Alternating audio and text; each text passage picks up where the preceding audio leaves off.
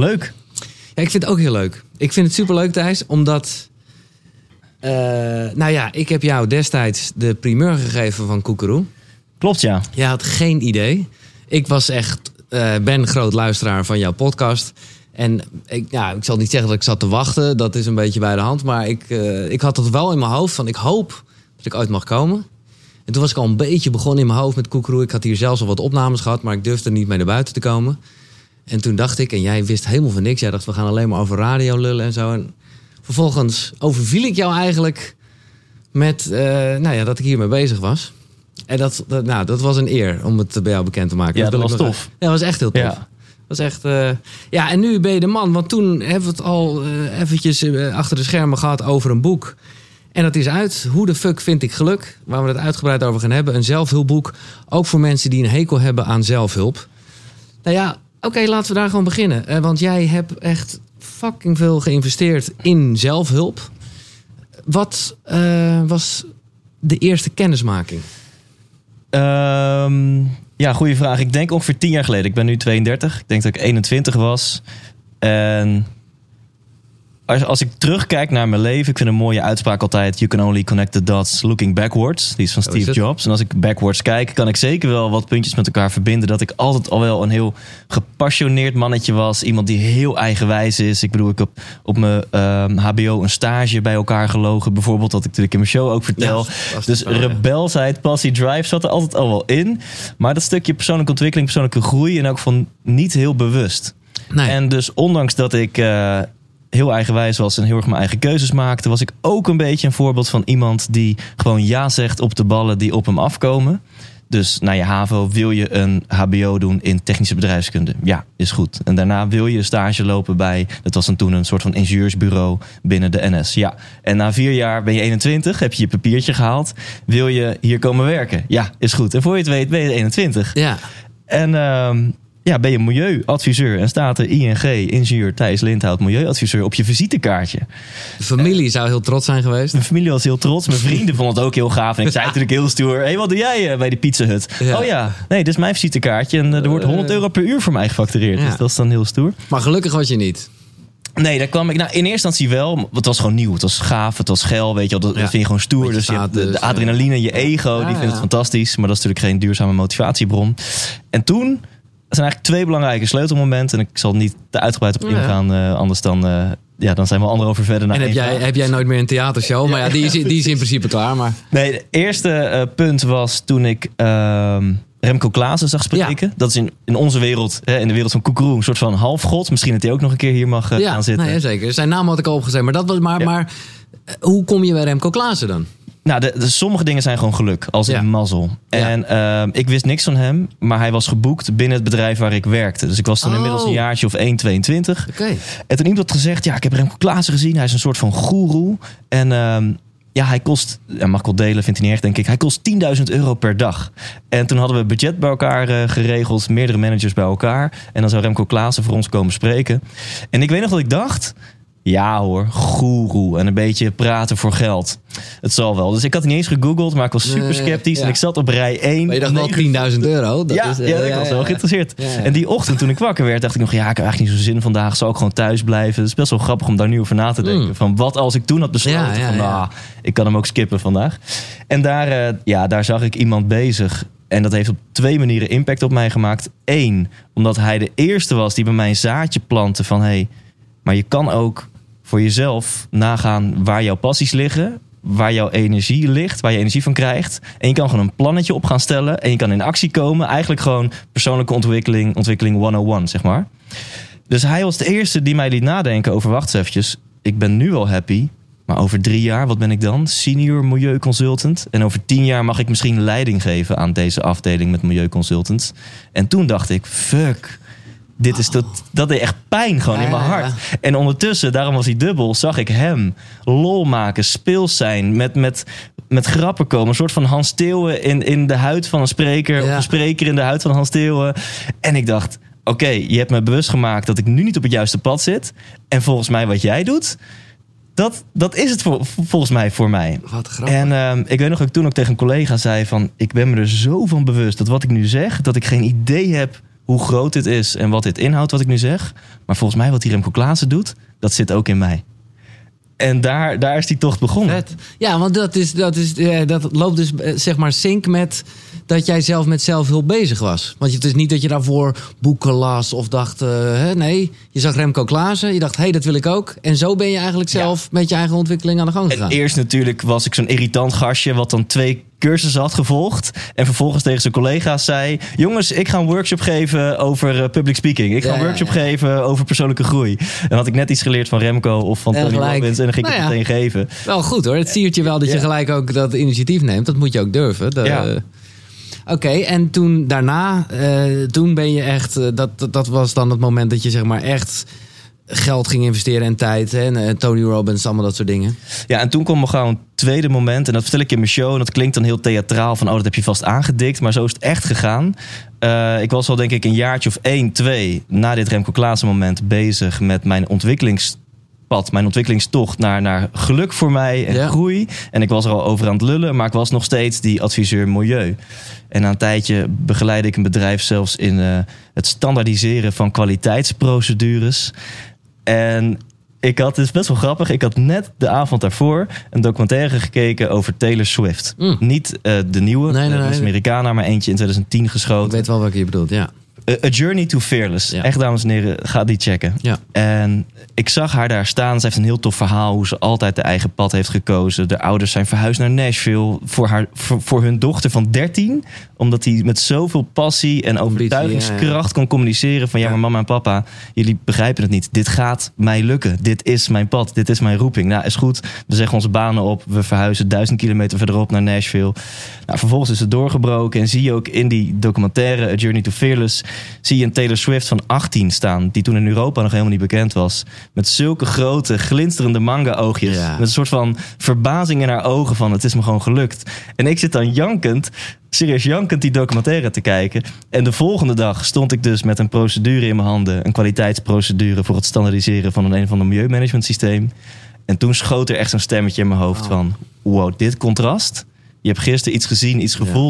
Wat ook in jou zit. Voor Ja. grote groepen mensen entertainen, mensen inspireren. Ja. En nu sta je hier in je pak een bedrijf te helpen met standaardiseringsprocedures. En ja, ik stond gewoon bijna te janken daar op die gang. Van waar de fuck ben ik met... Ja, hoe de fuck vind ik geluk? Ja, Dat nee, ja, toen eigenlijk, Ja. eigenlijk riep. Ja. En, dan, en dan is het heel erg follow your bliss. Dus, eh, nou ja, zeg je baan op. Eh, of tenminste, ja, het zo, dat heb je ongeveer gedaan toen, toch? Ja, wel, wel met een iets veiliger tussenstapje. Ja. Ik dacht van... nou, Eerst wat, eh, ja, ja. ik, ik krijg energie van spreken voor de groep. En dat is misschien ook wel een tip voor mensen die, die luisteren. Burn your boats hoeft niet voor iedereen te gelden. Zeg maar. Daar geloof ik sowieso niet in. Gaan we het denk ik vaker over hebben. Mhm. Ik geloof niet in dingen die voor iedereen werken. Dat er Nee. een stappenplan is. Of dat je Nee. moet mediteren. Of dat je dus je schepen moet verbranden. Sommige mensen die hebben in hun top 5 kernwaarden veiligheid, zekerheid. Ja, die moeten zeker niet hun schepen gaan verbranden. Nee. Dat werkt voor hun totaal niet. Ehm, en ik, ik deed een beetje. Dus mijn tussenstapje was dat ik ontslag neem. En dat ik met de kennis die ik had over duurzaamheid en over milieu, ging ik seminars geven. Ja. Want ik heb een passie voor duurzaamheid, vind ik nog steeds super belangrijk. En ik heb een passie voor voor de groep staan. Dus ineens kon ik al veel meer de speelse Thijs zijn. En ja, hoefde ik niet meer achter Excel-sheets te zitten en Nee. een pak aan te trekken en directies eh, ja, te adviseren. Fantastisch verhaal. En ook fantastisch eh, wat je zegt, eh, daar ben ik heel blij mee. Dat, dat is op zich ook mijn basis in Koekeroe. Dat je dus juist niet gelooft in doe dit, volg deze tien. eh, en je geeft wel wat handvatten natuurlijk in je boek. Dat is fijn om te hebben. Maar het is ook een beetje wat jij zegt, pik eruit wat voor jou goed voelt. Absoluut. Heb jij eh, ja, in die tijd van al die cursussen en zo, heb je ook dingen meegemaakt of daar waarvan je echt dacht, nou hier heb ik helemaal niks mee of dit voelt totaal niet goed of te zweverig of juist te zakelijk? Ehm, nou, het eerste dat in me opkomt is super recent. Ik heb een zweethutceremonie gedaan eh, Oh. laatst. Dan moet je- nee, ja, dan ik- moet ik het vertellen. Ja, ja, ik ben heel benieuwd. Ehm, de- eh, kort samengevat, het is een sauna, maar dan honderd keer zo heet, waardoor je Ja. denkt dat je doodgaat en dat leidt tot spirituele inzicht. Je moet toch heel geluiden maken ook en zo, of niet? Ja, je gaat meezingen. Oh, je gaat meezingen. Oh, nee, dat- nee, ja, sorry. je gaat meezingen met allemaal mantra's en zo. En eh, nou, sommige mensen beginnen hier te lachen. Die hebben het misschien meegemaakt, zo'n zweetceremonie. Ehm David de Kok, ook natuurlijk een soort van halfgod in onze Mhm. wereld van 365, eh, succesvol. Die nodigt mij daar al twee jaar lang voor uit en ik durf dus niet. Want controle uit handen geven. Even voor, voor de beeldvorming van mensen. Het is dus een soort van iglo. Ja. Maar dan niet van ijs natuurlijk. Het is een iglo eh, mini tentje. Ik denk maar een meter hoog. Daar ga je, liggen allemaal kleden overheen. Waardoor het helemaal donker is van binnen. Ehm, je gaat met 15 man naakt ga je erin zitten. In het midden heb je een kuil. Daar worden dan gloeiend hete stenen inge, ingelegd. Dan gaat de laatste flap dicht, waardoor het echt pikken donker is. Of je nou je ogen open of dicht hebt. Je ziet echt hetzelfde. Dus als je een beetje claustrofobisch bent, Vet hoor. het is bam, je ziet echt ogen open of dicht, maakt, maakt niks uit. En dan begint de opgieting. Terwijl ze liederen gaan zingen en op trommels gaan slaan. En dan wordt er water over die stenen heen geflikkerd. Nou ja, en binnen de kortste keren krijg je gewoon geen zuurstof. En je zit gewoon, je wilt dit doen. Ja. Je hele systeem, je hele reptielbrein, fight-flight gaat aan. Ja. Maar dat, dat kan je niet doen, want Nee. de lucht is zo heet. Dus je kan hooguit heel gecontroleerd, heel rustig. Oh. Zo, en, en dan is Oh, ik dus... ga dit echt doen. Ja, dan is dus de vraag: kan je. Je, je, je mind zegt: ik ga dood, ik moet hier weg, ik ga Ja. dood, dit is kut, ik wil weg. En kan je dan dat stemmetje laten rusten van hé, maar wil mijn lichaam weg? Is dit echt te veel? Want volgens mij kan ik het nog gewoon aan en je kan ook iets lager gaan zitten. Maar goed, precies om deze reden vond ik het doodeng. Blijkbaar zit dat dieper in mij dan, dan ik dacht. Controle uit handen geven. Mhm. Want iemand anders doet die opgieting. Iemand anders bepaalt wanneer Ja. pas weer een flap open gaat.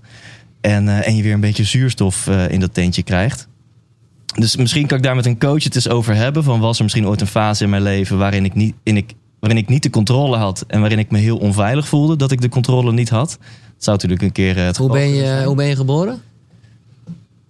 Uit mijn moeder. Ja, nee, maar was daar nog, waren daar nog complicaties of dingen? Oh, op die manier. N- Ja, niet dit- dat ik weet. Nee, oké. Niet dat ik weet. Maar het is grappig dat je hier dan, eh, nou ja, anti wil ik niet zeggen, maar dit past dus niet zo bij, zeg Nou, jij? ja, antwoord op je vraag. Want het is een hele grote Ja, ja. omweg. We gingen voor deze ceremonie. Moest je allemaal rituelen doen. Dus moest je die stenen die je dus gaat verhitten om in die hut te leggen.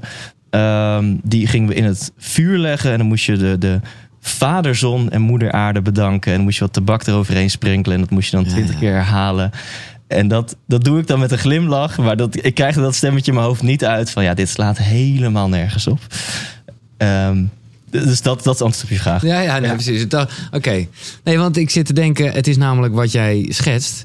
En ik weet dat je dat wel doet, is namelijk precies hetzelfde als Wim Hof, alleen dan met warmte in plaats van met kou. Ja. Want daar heb je toch ook eigenlijk dat je denkt: oh nee, ik trek dit niet, dit gaat te ver, eh, dit is veel te koud. En daar moet je dan een Ja. beetje Maar ik vond doorheen. bij die hut blijkbaar zo eng dat iemand anders de versnellingspook in zijn handen heeft. Ja, ja. Terwijl je natuurlijk op elk moment kan roepen stop en dan gaat die flap gewoon open. Maar voordat we begonnen was mijn hartslag al 150. Mijn hele lichaam zat in zo'n soort modus eh, van ik ga de angst overwinnen. Ik vind het zo eng. was echt best wel... eh, Dus voor jou ook geen ayahuasca-achtige dingen. Nou, wat ik er dus wel eh, uit mee heb genomen is... ik kan dit gewoon aan. Mm. Oké, je bent er toch sterker uitgekomen. dingen Ja, ja. doen. Ik, ik mag de controles soms uit handen geven. En David ook heel wijs. Toen ik daar aankwam, zei hij al...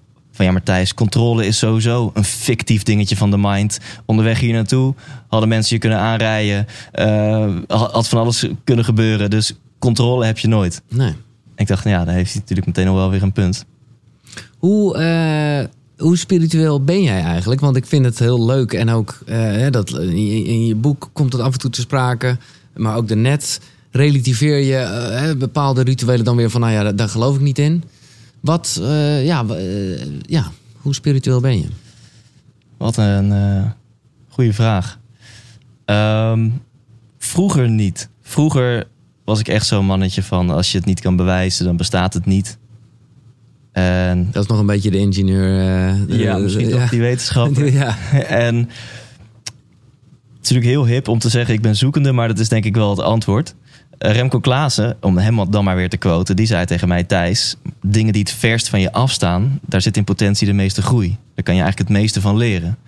Als je ergens weerstand bij voelt... Mhm. dat is ook een soort van onbewuste call van je mind... van hé, hey, hier zit ook groei. Waarom voel ik hier die weerstand? En dus ik sta nu mega open voor mediteren. Als mensen beginnen over reïncarnatie, dat vind ik super interessant. Ik denk dan niet, nee, dat klopt niet. Ik denk, ja, plausibel. Is volgens mij een plausibele theorie dat als wij doodgaan, dat onze ziel, alles is energie. Dus dat dat stukje energie wat in ons zit, genaamd je ziel, gaat naar boven. En dat kan weer een keer indalen in een nieuw mens. De wetenschapper in mij vindt dan sommige feiten wel weer grappig. Er zijn nu meer mensen op aarde dan dat er ooit in de geschiedenis van de aarde zijn overleden.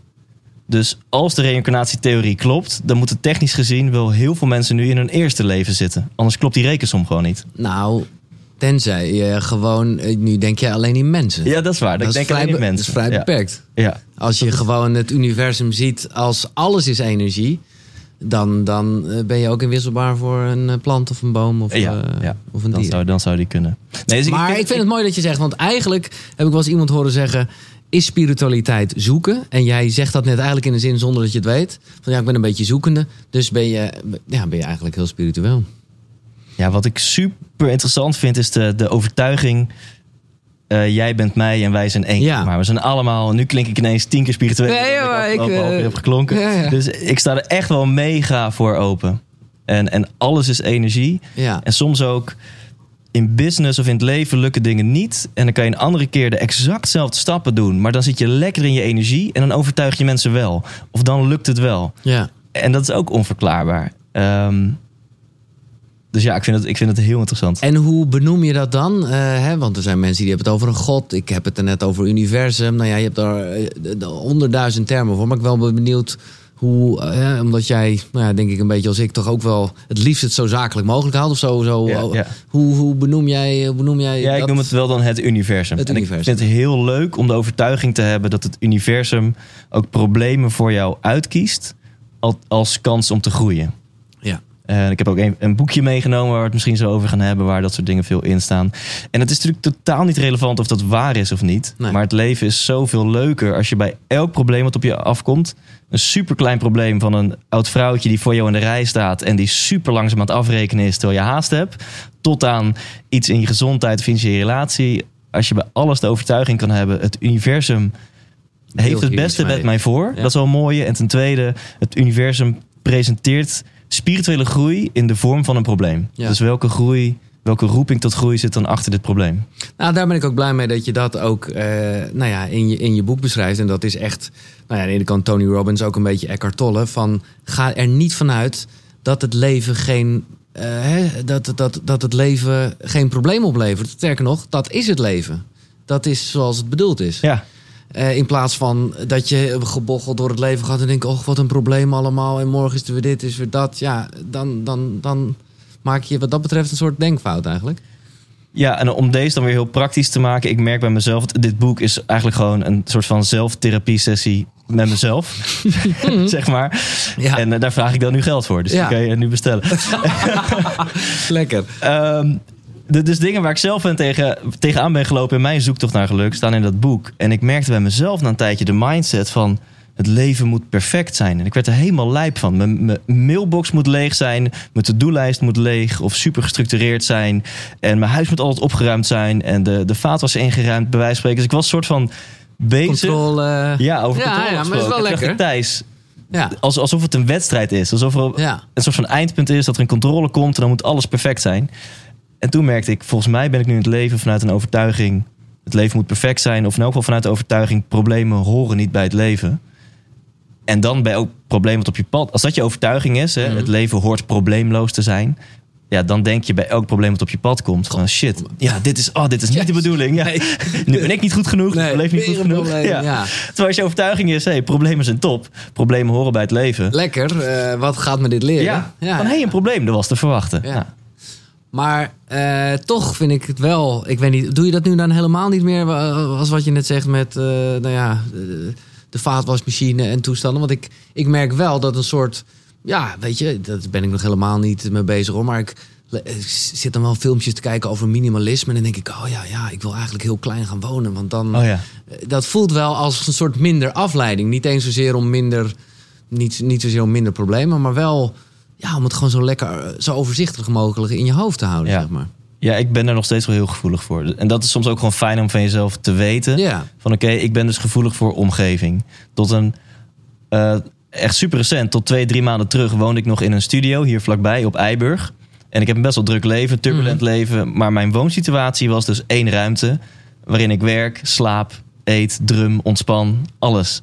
En dat, sommige mensen kunnen dat misschien aan, die houden van die chaos. Oh, de eten leek mij ook niet echt lekker. Ja, ik werd helemaal. Ik Ja, verlangde ja, ja. zo erg naar. Mag ik alsjeblieft een aparte ruimte Ruimtetje. waar ik slaap? Ik heb ook weer een slaapexpert geïnterviewd, Floris Wouterson. Die zegt: Het is heel goed ook voor je, voor je hersenen, voor je je hersenen zijn heel erg van symboliek. Ja. En dat er één ruimte is in het huis waar je in principe alleen maar slaapt en seks Ja, hebt. Dat, en dat je, hij zei ook, je moet powernaps niet in de slaapkamer doen. Want dat, dat vakt dat systeem weer op, zeg maar. Nou, dus ik verlangde heel erg naar een aparte ruimte om te slapen. Een aparte werkkamer. Heb je ook En- een meditatieruimtetje, want daar is het Oh, dat zou ik wel willen. Ja, nee. Ja. Ik heb nu wel een mini, mini gymmetje in mijn huis gebouwd. Oh, zo, zo, zo. Ja, nou, dat is eh, wel handig deze tijd, ja. Maar nee, dus ik ben zeker niet dat ik dan een inzicht heb en dat het dan ineens bij mij klikt. En dat ik dan nu predik van nou, dames en heren, nu ben ik verlicht. Of nu heb Nee. ik dit chapter uitgespeeld in persoonlijke groei. Ehm, Even kijken, een hoop dingen waar ik allemaal weer... Nou, laten we eerst even dat slaap aftikken, want dat is gewoon... ja. Dat is in mijn leven... heel veel luikjes open. Nee, love it. Eh, dat, maar dat is gewoon in mijn leven gewoon ontzettend ding. Omdat ik gewoon heel vroeg werk. En ehm, nou ja, ik vroeger altijd dacht... Slapen, waarom zou je zonde van het leven... Er is nog zoveel eh, te doen. Hoeveel uur slaap jij? Gemiddeld. Eh, ik denk tussen de 7 en 8. Ja, gewoon wel echt netjes Ja. het hoort. Altijd gedaan. altijd. altijd. altijd naar gestreefd, maar Altijd. ritme is voor mij een ding. Ja. Want dat heb jij dan denk ik wel. Jouw wekkertje gaat om half vier. Ja. Nee, precies. Dus dat is, er zit wel ritme in. Ja. En, en ik probeer nu zelfs, wat heel vaag is, maar in het weekend... Ja, ik ga niet in het weekend om half uur opstaan, maar nog steeds wel vroeg. Niet, dat- want als je dat dan weer omdraait, ja, Ja. Dat, daar word je ook niet echt eh, vrolijk van. Maar jij hebt dat er natuurlijk inderdaad niet, want soms heb je theater en soms niet. Ja, en nou, hier ben ik heel eerlijk. Dit is een punt in mijn leven. Wat, ik had het er gisteren nog over met een vriendin. Van, het, het lukt mij gewoon al 15 jaar niet om een ritme te hebben. Terwijl het, zou- het zou echt wel kunnen. Misschien in tijden van een tour. Dat je je ritme een paar uur verschuift. Maar ik heb eigenlijk geen enkel excuus om geen ritme te hebben. en toch En toch, dan ja. heb ik weer een periode dat denk ik... oké, nee, maar ik, ik moet toch gewoon... ik geloof in die miracle morning en ik ga mijn wekker zetten. En dan hou ik dat een maand vol. Nou, ik overdrijf nu, hou ik dat een week vol. Hmm. Om eh, zeven uur op te staan. En dan eh, word ik weer helemaal boos. denk ik, nee, ik, ik ben geen ochtendmens. Accepteer het nou gewoon van jezelf, Thijs. Laat nou los. Maar vervolgens, als ik alle teugels loslaat... dan ga ik vaak pas om twee uur naar bed, drie uur naar bed... en sta ik om elf uur op. En dan voel ik me ook weer niet succesvol. De hele wereld is al lang bezig en Thijs moet nog aan zijn dag beginnen. Dus het, het- het- een ritme vinden is wel eh, een dingetje. Oké, The Miracle Morning. Fantastisch boek trouwens. Eh Hal Elrod.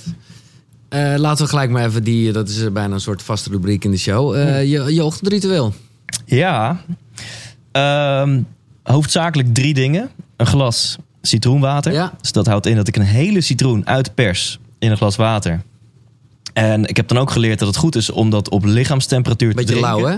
Ja, en ik heb ook weer geleerd dat warm water uit de kraan... dat dat veel bacteriën kan bevatten. Oh, Dus ik giet dan voor de helft water uit de waterkoker erin. En dan oh ik voor heb de een helft koeker. gewoon- Nee, ik doe het met de koeker. Dus dan, dan Oh ja, mag dat, het dat is toch? gewoon te gek, ja. En dan voor de helft koud water. Ik dacht al, moet ik mijn ritueel weer gaan aanpassen. Maar nee, oké, ja, ja. Ja, ja. en, ehm, dus een- en ook echt een groot glas. Ik denk dat het zeker 0,5, 0,7 liter is. Met Ja. een hele citroen erin uitgeperst. Ik doe 50 push-ups. Bam. En ehm, koud douchen. Ja. En eh, jij bent ook wel gewoon een hardcore. Eh, jij doet het gewoon vanaf het begin af aan koud.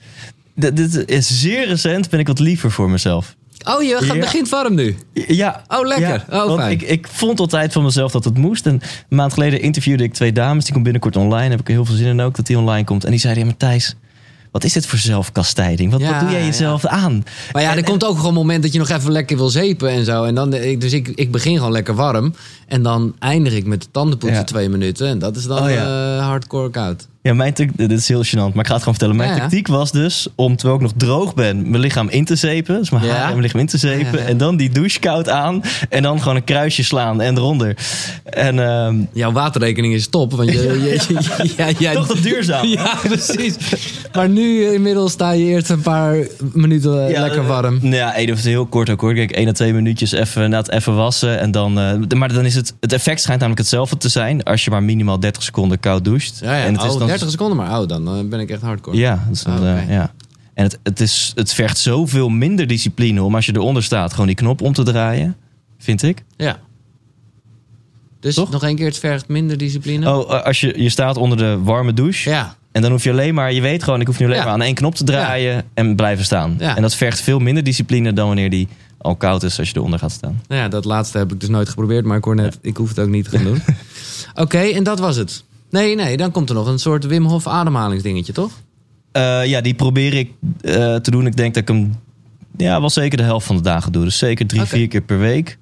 Eh, Want ik, het lukt mij niet om in 10 minuten mediteren met een muziekje of naar een muur kijken of mijn gedachten proberen te analyseren of whatever. Het lukt me niet om dan in 10 minuten echt een meditatieve staat Nee. te voelen. Dus dan is die Wim Hof En lekker Wim Hof, pushy. ja, mensen die het niet beetje- kennen, gewoon eigenlijk een minuut lang adem. Hou je heel heftig adem. Echt. En dan na een minuut word je een beetje high. En dan blaas je al je adem uit. En dan kan je gewoon twee minuten zonder, zonder adem. En dat, och, dan ben je in zo'n... Hoe ik het altijd test daarna... Dat ik denk, heb ik nu zin om mijn Instagram te openen? Oh ja. En dan merk ik gewoon in mijn lichaam, nee, ik voel me nu zo chill. Dus dat, dat, dat je die En gevoeligheid... heb je, dat daarvoor, heb je dat daarvoor nog niet gedaan dan? Ja, ik ben wel disciplinekoning daarin. Ik Ja? mag van mezelf mijn telefoon pas van vliegtuigmodus Na afhalen na dit Oh, spektakel. Ja, en ook zelfbescherming hoor. Want ik ben zo gevoelig voor prikkels. Als ik Ja. s ochtends wakker word en ik doe mijn telefoon... Ja, ik heb jou wel eens wakker gebeld. Dus jij hebt hem zelfs aanstaan. Nee, ja, dat klopt. En, en ik heb ook, nou, ik probeer wel een beetje push uit te zetten, maar sommige pushes laat ik ook echt aan. Dus ik, ik moet mezelf echt inhouden om niet 's ochtends als eerste die telefoon te doen. Maar het gebeurt me zo vaak toch nog. Maar ja, ja vliegtuigmodus. is, is- dat dan die Nou, dat- nieuwsgierigheid? dat is gewoon natuurlijk hoe dat ding werkt. Ik, dat is de volledig eh dopamineverslaving. Eh, Ja. Ik, kijk- ik zet Ja. mijn wekker uit en in, in een Ja. fractie van een seconde zit ik eh, nieuws te checken. Ja. Maar oké. Leuk. Tot zover het ochtendritueel. Nou, en avond, avondrituelen? Of zijn die er niet zo vast? En ik probeer, en nogmaals, dit is echt zelfbescherming. En ook hiervoor geldt weer, ik ben eh, zo'n vakker die super gevoelig is voor prikkels. En eh, ik, ik heb een burn-out gehad een paar jaar geleden. Dat wil ik niet nog een keer. Dus Nee. ik moet mezelf beschermen hier tegen. Een paar maten van me, die, die hebben inderdaad een telefoon altijd aanstaan. En s ochtends meteen en s avonds nog tot laat whatsappen. En die hebben nergens last van. Maar voor mij... Jij hebt ook geen WhatsApp, hè? Ik heb geen WhatsApp. Dat vind ik top. Ja. Want ja, ik, ik- het- in mijn hoofd kan het gewoon niet. Of in mijn denk ik, zeg ik dat het niet kan. Maar ik weet toch, oh ja, thuis moet ik sms'en. Ja. Het was wel scary hoor. Om hem... eh, om, om Nee, oké, je hebt het wel gedaan. Maar Ja. ja, ja nee, oké. Ja. Maar goed, een uur voordat ik eh, ga slapen, zet ik hem op vliegtuigmodus. Dat, is, dat is eigenlijk. Dat doe je, oké. En heb je dan nog, eh want ik lees wel, maar of is dat, zijn dat meer tools, dingen over journaling, dankbaarheid? eh, die- Ja, dat is vaak als ik me. Als ik merk dat ik te erg in mijn kop zit. of ik voel me gewoon even niet gelukkig. Dan, eh, dan weet ik, ik moet het even van me afschrijven. En dan heb ik echt twee tactieken. Ik heb één journal en daar begint elke pagina met hoe ik me voel. En dan ga ik echt. Soms ook al ben je zelf de enige die het ooit gaat teruglezen. Als je het al gaat Mm. teruglezen. Kan soms zelfs dat confronterend zijn. Want dan, als je je gewoon eens depressief voelt. dan begin je met. Nou, nu voel ik me eigenlijk ongelukkig of depressief. En dan hoe ik me voel. En dan ga ik gewoon zo ongecensureerd mogelijk opschrijven hoe ik me voel. En de grap is. Na één of twee pagina's voel je je eigenlijk best wel lekker. Ja, ja, ja. Dat is echt bizar. En de andere journal staat bovenaan elke pagina. eh, vandaag was een leuke dag, omdat. ja. En ik deed dat vorige week. Ik had een eh vriendinnetje aan de lijn en ik zat een beetje te klagen. Ja, eh, al die promotiedingen voor mijn boek en zo vind ik eigenlijk helemaal niet leuk. En, eh, Oké, nou, hartstikke leuk dat je hier bent. nee, podcast. ja, dames en heren, Thijs Linten. Ja, precies. Ik zei nog tegen haar, kijk wel uit naar maandag eh, bij Giel in de Mm. podcast. Tuurlijk. En toen, en toen zei ze van ja, Matthijs, moet je niet even wat dankbaarder doen? Zouden niet heel veel mensen moord hiervoor doen? En toen dacht ik, ja, misschien heb je een punt. En toen ging ik die avond opschrijven, vandaag was een leuke dag, omdat. En ik kwam echt op zoveel punten, dat ik gewoon daarna zo excited was dat ik niet meer kon slapen. Nee. Het was echt, was echt best day ever Ah, vandaag. lekker. Ja, ja, ja, Ja. Maar ik vind dit eh, knap. En, en, want dan is het dus volledig in balans. Maar ik vind het gewoon zo... Bij mij is het zo'n valkuil. Dat je het zegt van ja, als ik me dan niet goed voel... eh, dan gebruik ik het eigenlijk als een soort tool. Terwijl als ik naar mezelf kijk, dan denk ik juist... ja, als ik, me dus, eh, als ik er niet een vaste gewoonte van heb gemaakt... dan doe ik het juist niet als ik me niet goed voel. Mm. Want dan, ja, dan, dan ga ik echt niet nog denken aan dat soort dingen. Want eh, dan voel ik me gewoon kut. Dus dat vind ik heel knap dat op het moment dat je je niet goed voelt, dat je, dat je dan toch nog sharp genoeg bent en niet doordrenkt van allerlei, nou ja, hoe je jezelf natuurlijk altijd lekker kan fucken met Ja. emoties. Dat je niet, eh, nou ja, even heel classic met een zak chips eh, rukkend in slaap valt. Ja, ja. Maar gewoon, om zomaar een voorbeeld te noemen. Ja. ik weet niet, ik verzin het ter plekke. Andere, Nooit, andere mensen doen dat wel eens. Nooit gebeurd natuurlijk. Nee. Nee, maar dus dat je, ja, dat, dat, eh, daarom merk ik dat rituelen heel fijn zijn, omdat je ze dan automatisch doet op slechte momenten. En op goede momenten Ja. werken ze ook prima, maar jij zet ze echt in. Terwijl ik dan juist er op die momenten helemaal niet aan denk. Ja, je, je, hebt- je hebt helemaal gelijk. Ik denk echt dat voor de meeste mensen dit niet zou werken. Nee. Maar blijkbaar ben ik zo positief geankerd, omdat ik het vaak genoeg heb gedaan en heb gemerkt dat het me heel veel heeft opgebracht.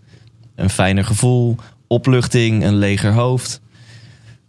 Dat, ja, ik, ik, ik, ik catch dan mezelf of zo. Dan weet ik van, Hmm. Thijs, kappen nou, nu die telefoon uit, ga op bed liggen en ehm, schrijf het even van je af. Maar goed, de andere kant is, en dat vind ik ook super kwetsbaar. Dat komt in je boek terug en eh, je hebt er ook wel wat eh, eerder over verteld en zo. En ook in het theatershow geloof ik. Dat terwijl jij al helemaal, eh, nou ja, de geluksonderzoeker, hè, zoals je jezelf noemt. Terwijl je dat al was. Nou ja, een, een, een mooi verhaal wat je vertelt. Dat je op een gegeven moment ergens een, een, een, een keynote ding moest doen. Ah ja. Maar eigenlijk zat je toen vet in een burn-out. Weer dus. Even niet eh, eh, de eerste van 21. Waar, of nou, dat was niet echt een burn-out. Dat was gewoon niet goed Ja. bezig zijn met wat je wil. Maar nou ja, kan je daar wat over vertellen? Want dat is dus wel gevaarlijk. Dat, eh, gevaarlijk, ja. Het, ik vind het alleen maar fijn. Dat Ja. maakt je ook eh, gewoon gelukkig nog mens. Ja, ik had, nou en het linkje is denk ik ook te leggen naar spiritualiteit, want ik denk dat ik die les toen te leren had. Ehm, maar blijkbaar zag ik dus iets over het hoofd in mijn persoonlijke Hoe lang is dit geleden nu? Eh, drie jaar geleden. Ja. Ja. drie jaar geleden. Beetje zo voorjaar 2007. Je ging echt lekker. Ik podcast ging goed. Ja, eh, m- mijn leven, dat was te mooi om waar te zijn. Ja. Ik denk dat voor sommige mensen dat mijn leven ook irritant goed ging, zeg maar. Dat ik ging van ongelukkig in werken voor een werkgever naar mijn eigen bedrijf, waarin ik echt mijn passie kwijt kon. Ik was ongelukkig als vrijgezel en ik ging naar gelukkig in de liefde. En ik, mijn studentenhuis werd een mooi appartement. En eh, een oude Opel Astra werd een rode Tesla. En ik ging op vakantie naar de Malediven en ik zette mijn droomdrumstel in mijn huis neer. En nou, het klinkt toch Alles stop. too good to be true. Ja. Ik had blijkbaar toch wat dingen over het hoofd gezien. En toen eh, kwam echt shit in drie, in drievoud. Het, het begon met een juridisch traject. Echt een, een Partner, goed, eh, ja. goed zakelijk conflict. Ja. En eh, dat leidde echt tot grote financiële shit. En toen zei mijn lichaam... Je hebt ook iets te hard gewerkt de afgelopen vijf jaar voor al dit succes. En je bent, eh, je bent mij een beetje vergeten. Dus ik ging richting burn-out. En toen had ik... eh, mijn, mijn baken was mijn relatie. En niks te nadelen van haar. Maar ik had steun nodig. En dat, dat, dat was er niet. En toen... Oh, je hebt het wel zelf uitgemaakt. Nee, uiteindelijk. Want Nou ik ja. zat zo diep in de shit. Dus ik, ik wilde aan haar blijven vastklampen. En uiteindelijk hebben we een goed gesprek gehad. En wilde ik nog wel door. En heeft zij de knoop doorgehakt van... Nee, eh, gast, ik ga bij je weg. Ja, en dat is wel echt verwarrend. En inderdaad, in die periode was ik al wel, zeg maar, tussen aanhalingstekens succesvol genoeg. Jij- dat ik soms werd ja. geboekt als, als spreker. Jij kan je niet slecht voelen. Dat, dat mag bijna Nee. niet, hè? Je bent, eh, jij moet geluk uitstralen. Ja, en ik weet het nog zo goed voor succesgids als een droom van me. Om een keer op een podium bij hun te staan. En eh, ik heb heel lang nagedacht van ga ik hier nou een poppenkast van maken? Of ga ik eerlijk zijn?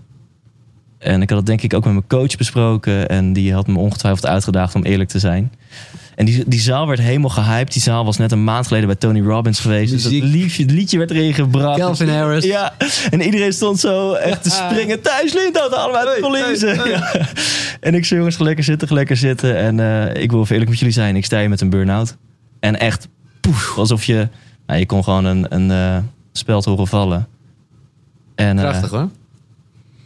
En achteraf, ja, vol lof. Waarom vonden mensen... En ik heb natuurlijk wel weer... Ik heb natuurlijk wel iets moois van gemaakt. En uiteindelijk ook wel weer een show neergezet. Maar wel met de eerlijke boodschap dat het met mij niet zo goed ging. En dat was blijkbaar heel goed gevallen. En dat, ja, dat is wel echt heel tof. Dat je Ja. ziet als je kwetsbaarheid is zo, zo eng. Ja. Gewoon in relaties en in je beroep en in het leven. En eigenlijk 9 van de 10 keer als je kwetsbaar bent, voelen mensen verbinding. En eh, Ja, oncomfortabel dat is goed. Dat is nog steeds een soort. eh, eh, nou ja, dat, dat, ja, zo voelt het in de basis natuurlijk niet. Maar dat is Je uiteindelijk. voelt je zo zwak en Ja. zo naakt als je kwetsbaar bent. En voor een ander kan je dan super krachtig overkomen. Ja. Juist heel bizar is dat. En was het, was, het, eh, was het toen ook gelijk goed? Of ja, je zat dus al van ja, hoe, hoe, even los van het feit dat je daar eerlijk was, hoe, wat heb je veranderd en hoe ben je daaruit gekomen en waarom hoop je of denk je dat het nu nooit meer zal gebeuren? Ja, denk het niet. Ik hoop het wel. Ja, En, eh, je denkt het niet. Nee, nee. Nou, ik denk juist dat het goed is om op je hoede te zijn. Ja. Want als je denkt, het gaat mij nooit meer overkomen, dan, eh, dus zo bedoel ik hem meer. ja. er zijn een aantal praktische en, en spirituele dingen die ik, die ik anders heb gedaan. En dat noem ik bewust zo, omdat ik het wel een leuke, leuk feitje vind. Dat je in mijn ogen eigenlijk alles in het leven ook op die twee niveaus kan aanpakken. Dus stel je hebt eh, problemen met geld, dan kan je dat op praktisch niveau aanpakken. Eh, nou, wat ik veel, naar je rekeningen kijken en eh, budgetteren. Of kan je meer geld verdienen, minder uitgeven. Maar op, als je op spiritueel niveau een mindset hebt, een overtuiging hebt dat jij vindt dat jij het niet verdient om financieel onafhankelijk te zijn. Of je vindt dat je niet meer mag verdienen dan je ouders. Of je vindt dat je, dat je het niet waard bent om gewoon makkelijk de rekeningen te kunnen betalen. Ja, dan gaat het praktische nooit werken. Nee.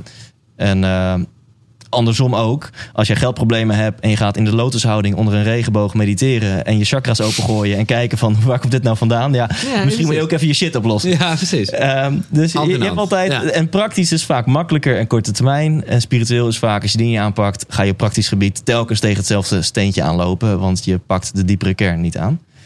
Nou ja, ja oké, maar de goede praktische dingen zijn soms ook wel langer termijn. Als ik gewoon denk aan gezond leven en dat soort dingen. eh, ja, dat is heel praktisch. Maar dan, dan moet je, ja, Ja, maar dan heb je toch weer de mindset voor. Ja, nodig. ja, Want ja. Ik, ik, ik gun het mezelf. Of ik geloof erin dat gezond eten ook echt beter voor me is. ja. Maar even Nou, concreet maar naar jouw... eh, ja, want wat- ik, ik lul er helemaal omheen. Nee, nee, nou, na mijn burn-out op praktisch gebied eh, heb ik energiemanagement geïntroduceerd in mijn leven. Dat was nog helemaal geen ding. En nu wel, dus wat houdt het in? Dat ik heel goed kijk in mijn agenda. Heb ik voldoende avonden leeg? Dat er gewoon time staat of me-time. Ik vind het bijvoorbeeld heerlijk om de weekenden leeg te hebben. 9 van de 10 weekend in mijn agenda staat niks. En dat wil niet zeggen dat ik dan de hele dag in mijn huis zit met mijn poes op schoot. Maar als ik dan zaterdagochtend wakker word, dat ik zelf kan bepalen waar heb ik nu behoefte aan, waar Ja. heb ik zin in. Ehm, ik deed alles gehaast en nog steeds zit dat systeem in me. Gehaast tanden poetsen. Eh, eten precies. achter je, achter je bureau. Ehm, ik weet nog wel, vlak voor mijn burn-out zat ik eh, van Amersfoort in de auto naar Amsterdam. Want Ik had net in Amersfoort een interview gedaan eh, voor mijn podcast. En ik reed in mijn auto naar Amsterdam om naar een concert te gaan in de Melkweg. En ik zat een pizza weg te werken terwijl ik aan het rijden was. Achter, eh, achter me dacht ik ook, Thijs, waar, waar ben je mee bezig?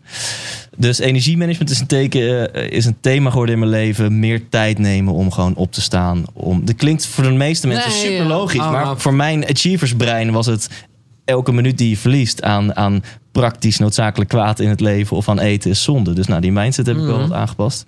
Maar dat betekent dus ook, eh, ook... Dat is ook nee zeggen tegen dingen. Ja. Automatisch, toch? Ja, Want Je moet tijd maken. Ja. En, eh, ja, ja. Nou, en zo rollen we eigenlijk het spirituele in. Ik vind het altijd heel heftig hoe. En het is ook altijd maar gissen, maar hoe je bijna altijd wel problemen in het nu. Ook al ben je 30, 40, 50, 60, kan herleiden naar iets wat is ontstaan in de eerste acht jaar van je leven. En of het echt zo is, weet je natuurlijk nooit. Nee. Ik Maar vind het ook altijd lastig, want ik weet er echt niet zo gek veel meer van, als ik eerlijk ben. Nee, dat is weird. Ja. En ik, nou, dit is heel intens. Ik heb best wel vaak in coachings het idee gehad dat ik liefde heb gemist als kindje. Maar ja, ik was er wel, maar ik was er ook weer niet echt bij. Want je bent je, bent je daar niet bewust van de Nee, eerste vier nee, jaar van je nee, leven, of de eerste acht jaar. Dus ik, ik heb die vraag aan mijn moeder gesteld van ma. eh, ik vind je echt helemaal fantastisch en je, bent de liefste moeder ter wereld. Maar ik, ik heb soms dat idee dat ik liefde heb gemist vroeger. Ik, kan, je, can you relate? Kan je daaraan relateren? En het antwoord was wel ja, dus dat was wel echt heftig. Zo. Ja, dat ze zei, ik was best wel ongelukkig zelf. En ik was met mijn eigen shit bezig. En ik verzorgde je wel. Maar dus, nou, ik voel ook gewoon meteen dat het me raakt als ik dit vertel. Zo. En ehm, met een coach kwam ik erachter.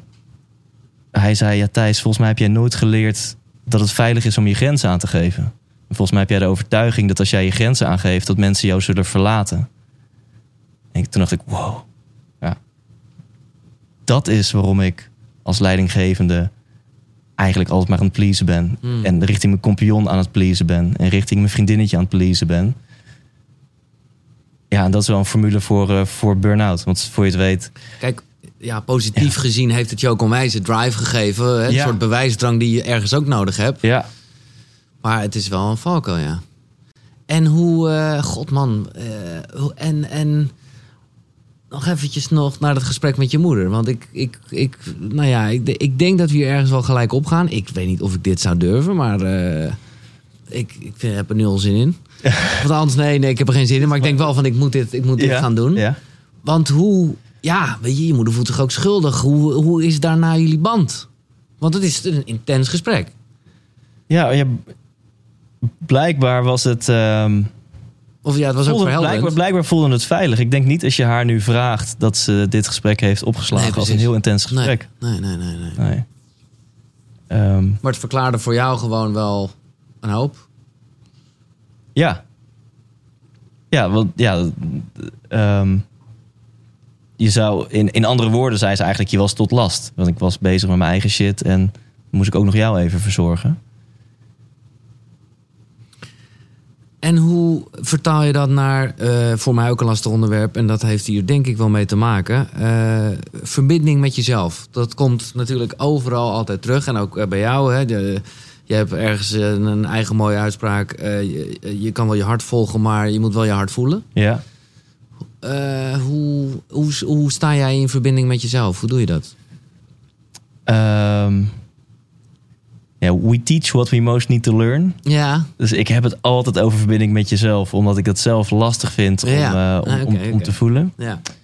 En ja, wat- voor mij verbinding met jezelf is, het klinkt heel erg als een, eh, een hashtag eh, fitgirl, hashtag vegan, hashtag eh, love life. Ja. Het is heel erg, een, het klinkt als een hele zachte, zweverige uitspraak. Ja. Maar leef vanuit verbinding met jezelf, leef trouw in jezelf, vergt ook gewoon keihard ballen hebben. Dat je zegt, ik kap met die relatie, ik Ja. neem ontslag, ik, ik geef mijn eigen grenzen aan, ik ga voor mijn eigen geluk. Ik zeg wat ik voel, ik wees eerlijk naar mijn gevoel, ook al vind jij dat niet leuk om te horen. Of, ehm, dus durf te zijn wie je bent, ongeacht wat mensen daarvan gaan vinden. Want je hebt, je hebt totaal geen invloed, laat staan controle op wat andere mensen vinden. Maar je hebt wel 100% invloed of zelfs controle op, op je eigen gedrag. Dus je kunt in elk moment kun je ervoor kiezen om trouw te leven naar jezelf. Ja. Om eerlijk te zijn naar je gevoel. En dan is soms de uitkomst dat anderen daar wat van vinden. Dat anderen teleurgesteld zijn. Dat anderen daar, eh, daar geen begrip voor hebben. Ze zijn misschien gekwetst. En dat kan ook weer pijn doen. Dat jij anderen pijn hebt aangedaan. Maar je kan wel Altijd zeggen, weer. ik ben trouw... Ja, het klinkt misschien Nee, dan nee, ook weer nee, toch weer heel zwevig dit. Maar dan kan je toch wel zeggen, ik ben trouw geweest aan mijn eigen gevoel. En heb jij eh, daar een soort, ja, ik zou bijna zeggen trucs of tips voor? Want ja, je, je kan daar heel snel uitraken. Ja, wat, waar ik heilig in geloof, is dat we momenten van verbinding met jezelf, die krijg je niet gratis. In deze wereld krijg je, nou, je mobiel ging net af. Ja. Je krijgt gratis continu afleiding. ja. En, ehm, dus de wereld presenteert je nooit ineens een momentje van Nee. goh, laat ik nu eens even 10 minuten pakken om te zitten en te voelen. En wat ik ook in mijn boek schrijf, is dat ik er eh, heilig van overtuigd ben dat iedereen's kwaliteit van leven zou verbeteren. als je 10 minuten per dag claimt om prikkelloosheid te ervaren. Dus je mag dan sowieso niet je telefoon meenemen, Nee. maar ook niet een telefoongesprek. Nee. Eh, journalen mag wat opschrijven, maar gewoon een wandelingetje voor je uitstaren. Misschien mediteren. Doe iets wat wel bij jou past. Ehm, misschien een muziekje opzetten en daar heel erg gewoon muziek luisteren als activiteit. Maar als je een activiteit van 10 minuten per dag inplant, waarin je zo goed als geen prikkels ervaart, waarin je even kan voelen. En ik denk dat voor veel mensen geldt, als ze dat doen, als je dat echt doet, ga, ga eens gewoon zitten op de bank, leg je telefoon weg en ga eens voor je uitstaren en tune eens in met jezelf. Ik denk dat heel veel mensen dan voelen, oeh, ik voel een beetje ongemak. Mhm. Ik voel eenzaamheid. Mhm. Ik voel verdriet. Ik voel verveling. En het is dus niet dat die gevoelens ineens op miraculeuze wijze er zijn. Die zitten er dus altijd. Maar die onderdruk je, omdat je continu prikkels hebt en van afspraak naar afspraak holt. Mhm. Dus op korte termijn is dat misschien confronterend. Maar waar ik ook weer geloof, in geloof spiritueel gezien, is dat als je helemaal één bent met emoties, dat ze ook heel snel weggaan. Ja. Als je Als je angst loslaat. of, of eenzaamheid er volledig laat zijn. Van waar voel ik dat? Hoe voel ik dat? Eh, wat gebeurt er met mijn hart? Wat, wat voor gedachten komen erbij? En, en als je die eenzaamheid compleet laat komen... je kan volgens mij niet langer dan 10 minuten echt heel eenzaam zijn. Want Nee. die emotie is uit het niets gekomen. En als je daar volledig oké mee bent... dan zal die ook weer naar het niets gaan. Ehm, dus om dat zeg maar, samen te vatten... ik geloof heilig in 10 minuten per dag wat minder prikkels... En het gaat dan misschien niet eens zozeer om die 10 minuten, maar die andere 23 uur en 50 minuten die ook in een dag zitten. Waarin je misschien net even, al is het 2%, Ja, ja. iets trouwer aan jezelf kunt zijn. Omdat, Iets je dat, omdat je dat eigenlijk als een soort spier traint. Ja, Want, dat, want ik, ik voel wat je zegt. En dan is het inderdaad hè, de onrust. pff, overweldigend. Maar oké, dat, eh, dat is juist dan even goed. Alleen, ik bedoelde meer, maar misschien is dat Hm. eh, lastig. Veel meer een, een, een, een, ja, een truc of een tip. Voor gewoon eventjes op een dag. Als je in een gesprek bent of iets moet doen. En dan kan je wel s'avonds, als je lekker helemaal Ja. met jezelf bezig bent, denken: Oh ja, toen eh, heb ik toch niet naar mezelf geluisterd. Maar eigenlijk wil je op dat moment zelf voelen dat je uit die verbinding bent. ja. Ja, als ik die heb, dan ben je de eerste. Nee, nee, nee. Dat zou, dat zou Nou, zijn. Er is wel een truc. Misschien bedoel je aan mijn show. Dan, dan doe, ik, doe ik nadat je een gigantische strandbal vangt. En dat je een soort van top of the world gevoel door je heen krijgt. Dat, dat kan wel. Ja, ja. Nee, zegt ik bedoelde ik niks, niet iets wat nee, ik. eh, maar dat zou waanzinnig zijn als Ja. je op momenten voelt van... Oeh, er gebeurt nu iets. Mijn partner zegt iets. In het verkeer gebeurt iets. Mijn baas zegt iets. ja. Ehm, en ik merk dat ik mezelf even kwijt ben. Dat je dan jezelf kan pakken.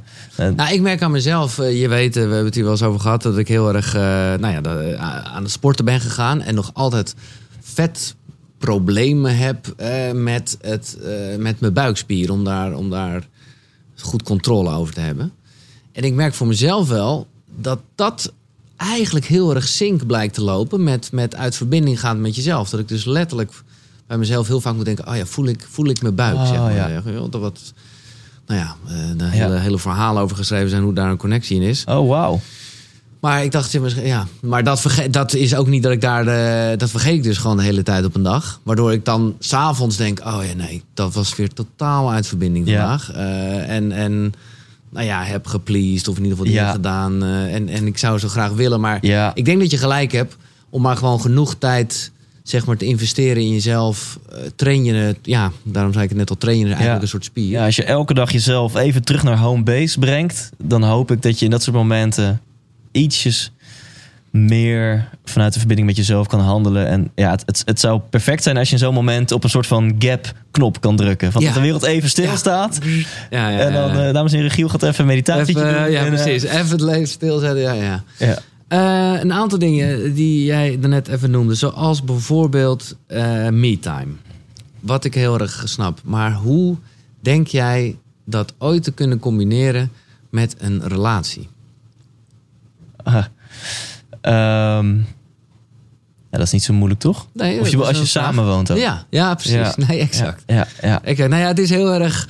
Ik heb daar uitgebreid met Jan Geurts over gesproken, die er bijna een soort cynisch in is. Of althans, dat, dat, nou ja, dat is misschien niet Mhm. helemaal de uitdrukking. Maar die is wel in de categorie. Samenwonen eh, is niet zo'n heel goed plan. Oké. Eh, want ja, je raakt versmolten met elkaar. Ja, ja. En je gaat, eh, nou ja, je, je wordt dan samen één. Waarvan heel veel mensen dat mooi vinden. Maar hij zegt, ja, dat is dus niet. Je, je bent zelf één. Ja. En, eh, Nou, ik denk meteen in een praktische oplossing. Gewoon een heel groot huis. Ja. nee, maar dat Ja. zo, zo is het. Daar heb je wel gelijk in. Nou, dat is ook wat hij zegt hoor. Het kan wel, als, als zolang je maar ook die momenten dan. Ja, de, de romanticus in mij zegt toch... ja, maar als je de juiste partner hebt... dan kan zelfs in zijn of haar armen liggen... ook voelen als, als me-time. En ik denk anders dat je het gewoon heel erg van elkaar moet accepteren. Dat je zegt, schat, vanavond eh, ben ik wel thuis... maar zit ik even in mijn, eh, in mijn mancave... of Ja, mijn gamehok... ja, ja, ja. of mijn, eh, mijn drumkamer... of eh, mijn meditatieruimte. Maar het lijkt me, ik bedoel, nee, ik hoop, ik, ik gun je alles en ik hoop echt dat het goed gaat. Maar ik ken je een beetje en ik hoor en zie veel van je, want ik vind je echt tof. Maar dan denk ik ook wel, oei, oei, oei, nou, daar moet je ook geen relatie mee hebben. Omdat ik telkens voor mezelf kies. Ja, Ja, En dat is wel heel duidelijk. Ik bedoel, eh, maar het is wel. Nou ja. Ja, ik bedoel het echt niet zo lullig als dat het nee, klonk het hoor. komt niet te lullig over. Oh, oké. Nee, het nee, maar ik hoorde daar dames lachen. Ik Ja. denk, oh kut, wat heb ik gezegd? Maar Ja. omdat, om- nou ja, en ik weet niet of dat nou ego is. Eigenlijk vind ik het heel goed hè, voor de goede orde. Want ik bedoel, je leeft met jezelf en dat is, dat is dus ook heel belangrijk. Kijk, een vrouw die niet bezig is met persoonlijke ontwikkeling, dat zou denk ik niet zo'n goede match zijn. Nee. Ehm, dus ik denk dat, met, dat de juiste vrouw er wel begrip voor heeft. Sterker nog, dat ze dat zelf ook heel fijn vindt. Ja. Maar ik denk dat jij, eh, maar dit is misschien ook projectie, of, eh, maar Ja. op het moment dat zij eh, ja, even zelf tijd zou willen voor iets, terwijl jij juist zin hebt om wel te knuffelen op de bank. Ik denk dat je het helemaal niet trekt, joh. Dat zij dan voor zichzelf. Ja. Of wel hoor, Maar, maar misschien... dit, dit is meer be- bezitterigheid dan. Wat nou, je nu, eh, nee, niet bezitterigheid. Nou ja, nee, nee, nee, nee. Gewoon, ja, nee, gewoon omdat je... eh, ja, omdat je gewoon altijd best wel voor jezelf kiest. En, en dat ook... Ja, nee, je fucking goed voor elkaar ja, hebt. ja. Maar aan de andere kant kan die, die pleaser er, er ook heel snel in. Ja, dat. Insluipen. Ja, ja.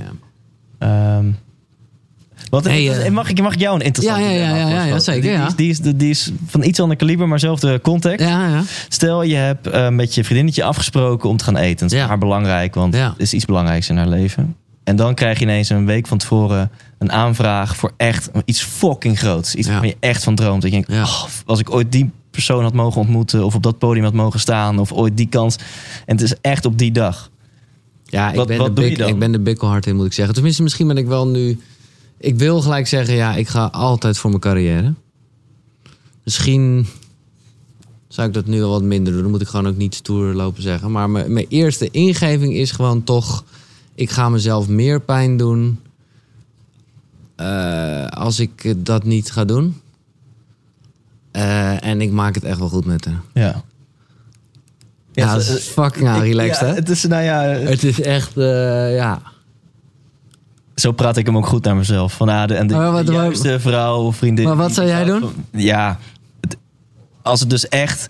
Bijvoorbeeld... Dat is, het is wel exact wat, mag het is exact wat ik eigenlijk net bedoel hoor. Ja, die dag mag ik Tony Robbins interviewen. Exact. En dan is het mijn meisje is die dag jarig. Ja. En, en met haar familie zouden we uit eten gaan.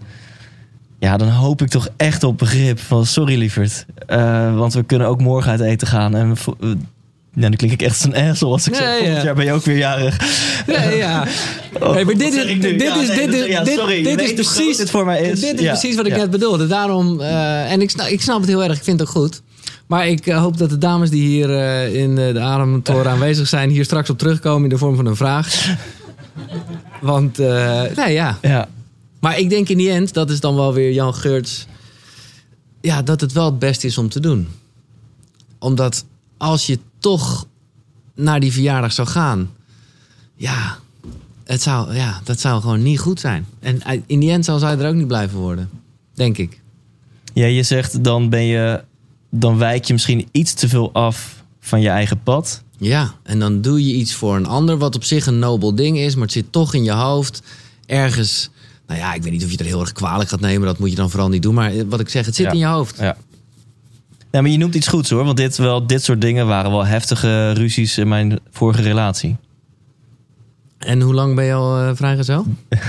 Uit, uit persoonlijk interesse. Ja, ik vind het even leuk om dit hoofdstuk af te ronden. precies. Nou, eh, drie jaar ben ik nu.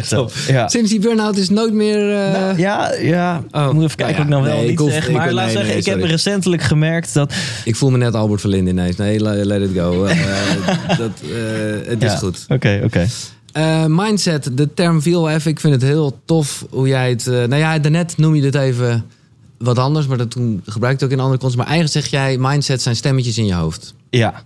Dat vind ik ook wel lekker. Om het Ja, gewoon vind ik heel ook- simpel vind ik ook stemmetje in je kop, superlekker. zeg ik zelfs. Ja. Want mindset, je komt natuurlijk overal tegen. In de happiness en de Xenos. eh, Ja. Je Instagram timeline staat er vol mee. En het, het zijn gewoon de stemmetjes in je kop. Maar stemmetjes, dat zijn dus allemaal verschillende, dat zijn verschillende stemmetjes. Wat, wa- welk stemmetje, eh, nou ja, heb jij nog, heb je er wel last van? Oeh. Ehm, Ik heb net een interessante podcast, een gesprek gehad met Jannie Lichthart hierover. Die heeft een hele theorie over, die noemt het een schoolklas, wat in je hoofd zit. oh ja. En eh, die zegt dus dat zijn allemaal dus de stemmetjes. En juist diegenen die achter in de klas eh, zitten, die, die, eh, die ja, je hebt die grote aandachtvragers en die hoor je de hele tijd. Maar je moet juist diegenen die, die stemmetjes, die, die niet zoveel aandacht vragen, die moet je wel aan bod ook laten. En dan kom je heel erg ook bij intuïtie. En eh, nou ja, zo, zo vind ik een leuke vergelijking die ze maakt. Maar er zijn dus altijd een paar stemmetjes die, die, ja, die fucking bij de hand de boventoon voeren. Ja. Ik heb er zat, maar de, waar, waar ik nu opkom, is in elk geval een stemmetje wat telkens zich afvraagt: kan je dat wel aan? Oh ja. En niet zozeer qua als ik voor een grote groep moet staan of zo, van kan ik wel zo'n grote groep inspireren of entertainen, maar meer qua energiemanagement. Ja, ja. Dus nog echt een Maar dat is wel een, een, een, soort... erfenis van mijn burn-out, Ja. zeg maar. En ik denk dat ik nu veel meer aan kan dan ik denk. En dat ik vaak veel angstiger ben voordat ik weer overprikkeld raak of over mijn grens heen ga. Dus, dus snap je dat nu dat stemmetje... Mhm. Eerst was dat stemmetje eh, helemaal niet goed afgesteld. En dacht ik dat ik alles kon. nu staat hij iets te veilig. En, ja, en nu staat hij iets te veilig. Ja, ja. best wel vaak... Op woensdag vind ik het wel eng om commitments te maken voor zaterdagmiddag. Van, ja, ik weet niet, misschien ga ik toch weer iets te ver deze week... en dan ga ik liever zaterdag Ah, op de bank liggen. Kijk, zolang het je niet heel veel kansen ontneemt, vind ik het vooral wel goed om die, eh, nou ja, om die strak eh, gespannen te hebben staan. Maar Ja, het is toch een angst die Ja. elke keer ja, En dat, eh, die, ja, als ik op meer kom, dan, dan deed ik ze met liefde. Maar ik, ik heb natuurlijk zat eh, en dat is stemmetjes die, eh, die soms zeggen, die soms onzekerheid triggeren, of die angsten triggeren, of die ja. negatieve emoties triggeren. Maar je hebt nooit een, tenminste, ja, dat is wat ik heel erg in je waardeer. En ook dat is een beetje projectie, omdat ik dat zelf dus gewoon heel erg merk. Je hebt nooit een wie ben ik om dat te zeggen. Of om, om, om nou ja, dus daar op een podium te staan of het in een boek te schrijven. Ja, soms? Nee, dat, dat- straal je voor mij uit dat je dat niet hebt. Daarom kijk ik echt Ja. tegen je op in dat opzicht. denk ik, wauw jongen. Nee, niet schaamteloos is niet het woord. Maar gewoon, ja, gewoon sterk Ja. daarover in je schoenen staan. ja, soms heb ik dat wel. Ik heb nu al over deze podcast het idee van, oh, heb ik dat gezegd? Oh nee, nu Oh, al? Heb ik dat gezegd? Oh. En in mijn boek ook, dan denk ik...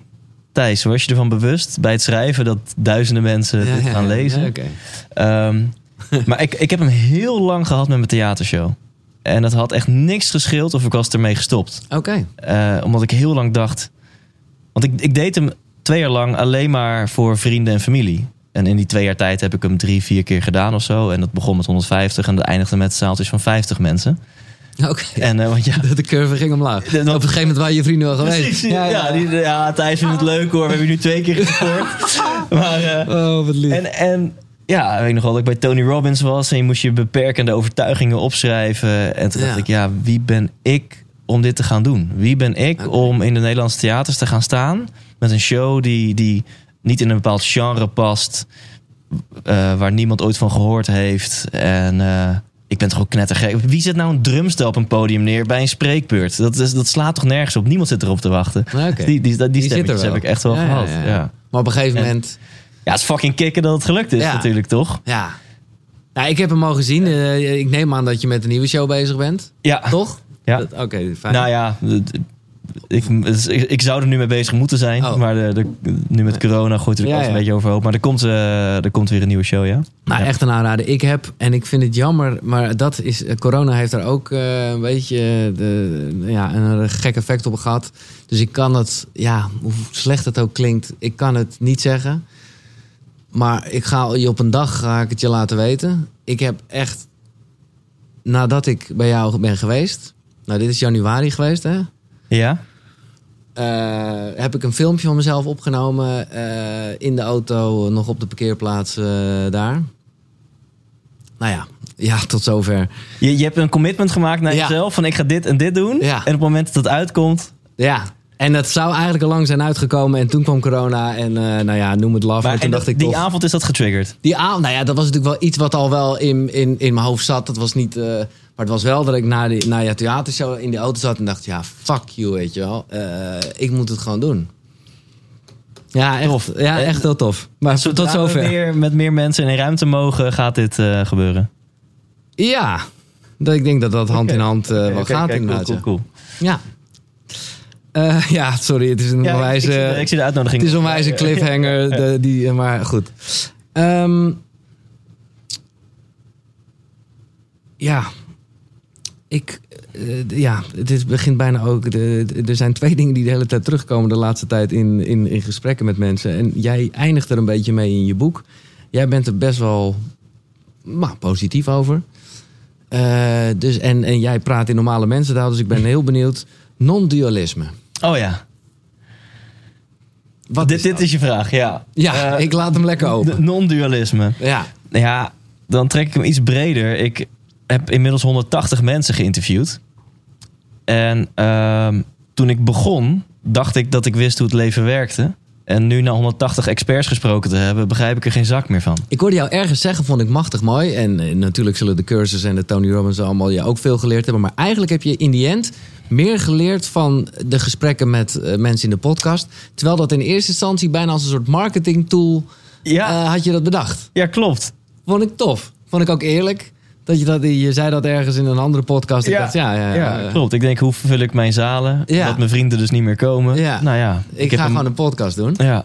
Uiteindelijk heb je er dus van al die gesprekken heel veel van geleerd. Ja, en ik weet nu alweer, dat kan ik hem wel, en ik zal antwoord geven op je Ja, vraag ja. ook hoor, maar een primeur voor mijn volgende show.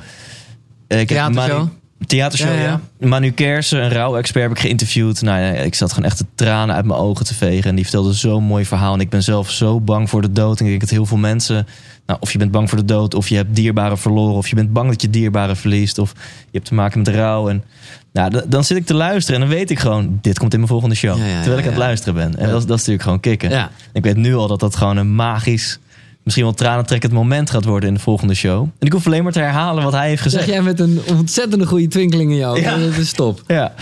Ehm, Maar ben je nog steeds bang voor de dood? Ja. Ja? Ja, ik, ik zat net jouw podcast met Kelly Wekers te luisteren. Ja? Toen zei je van nou, ik ben er zo erg niet meer bang voor. Ik heb er bijna zin in. Ja.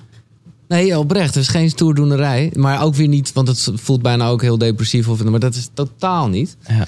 Maar ik ben, ik, ik ben gewoon nieuwsgierig van aard. Dus ik, eh, ja. eh, maar het ja, bedoel, ja, je mag bang zijn voor de dood. Ik vind het ook eerlijk dat je het zegt. Maar ja, ik zou zeggen, spiritueel gezien is het juist, hè, als we het hebben over universum, als je gelooft in reïncarnatie, eh, dan, dan is er toch niks om bang voor te zijn. Want dan, ja, ik weet dus niet of ik daarin geloof. nee, oké. Dus ik eh, denk, eh, ik heb niet bij de hand zie om dan te zeggen dat het niet waar is. Maar ik, ik weet het gewoon. Je voelt het niet. Nee, ja. Niet, nee, nee, nee, oké. Wat ik wel. Maar wat, wat- ik denk, al, al bestaat dat wel, dan is het bewustzijn Thijs Lindhout weg. En ik zou Ja. nou wel graag als Thijs Lindhout dan die hele reis willen meemaken. En dan kijken hoe het hierna. Dus ik vind reïncarnatie ook wat minder sexy, omdat ik dan stel. Je denkt, dat, ik, ben ik niet. ja, nou, stel dat dit mijn tweede of derde leven is, ik kan toch niks meer van die vorige levens herinneren. Dus in nee. een volgend leven kan ik ook niks meer van Thijs Lindhout herinneren. Nee. En dat is natuurlijk een hele. Spirituele mensen zullen zeggen dat is een hele aardse gedachte, een hele aardse Nee, nee, dus- en, en je dus- ziel die.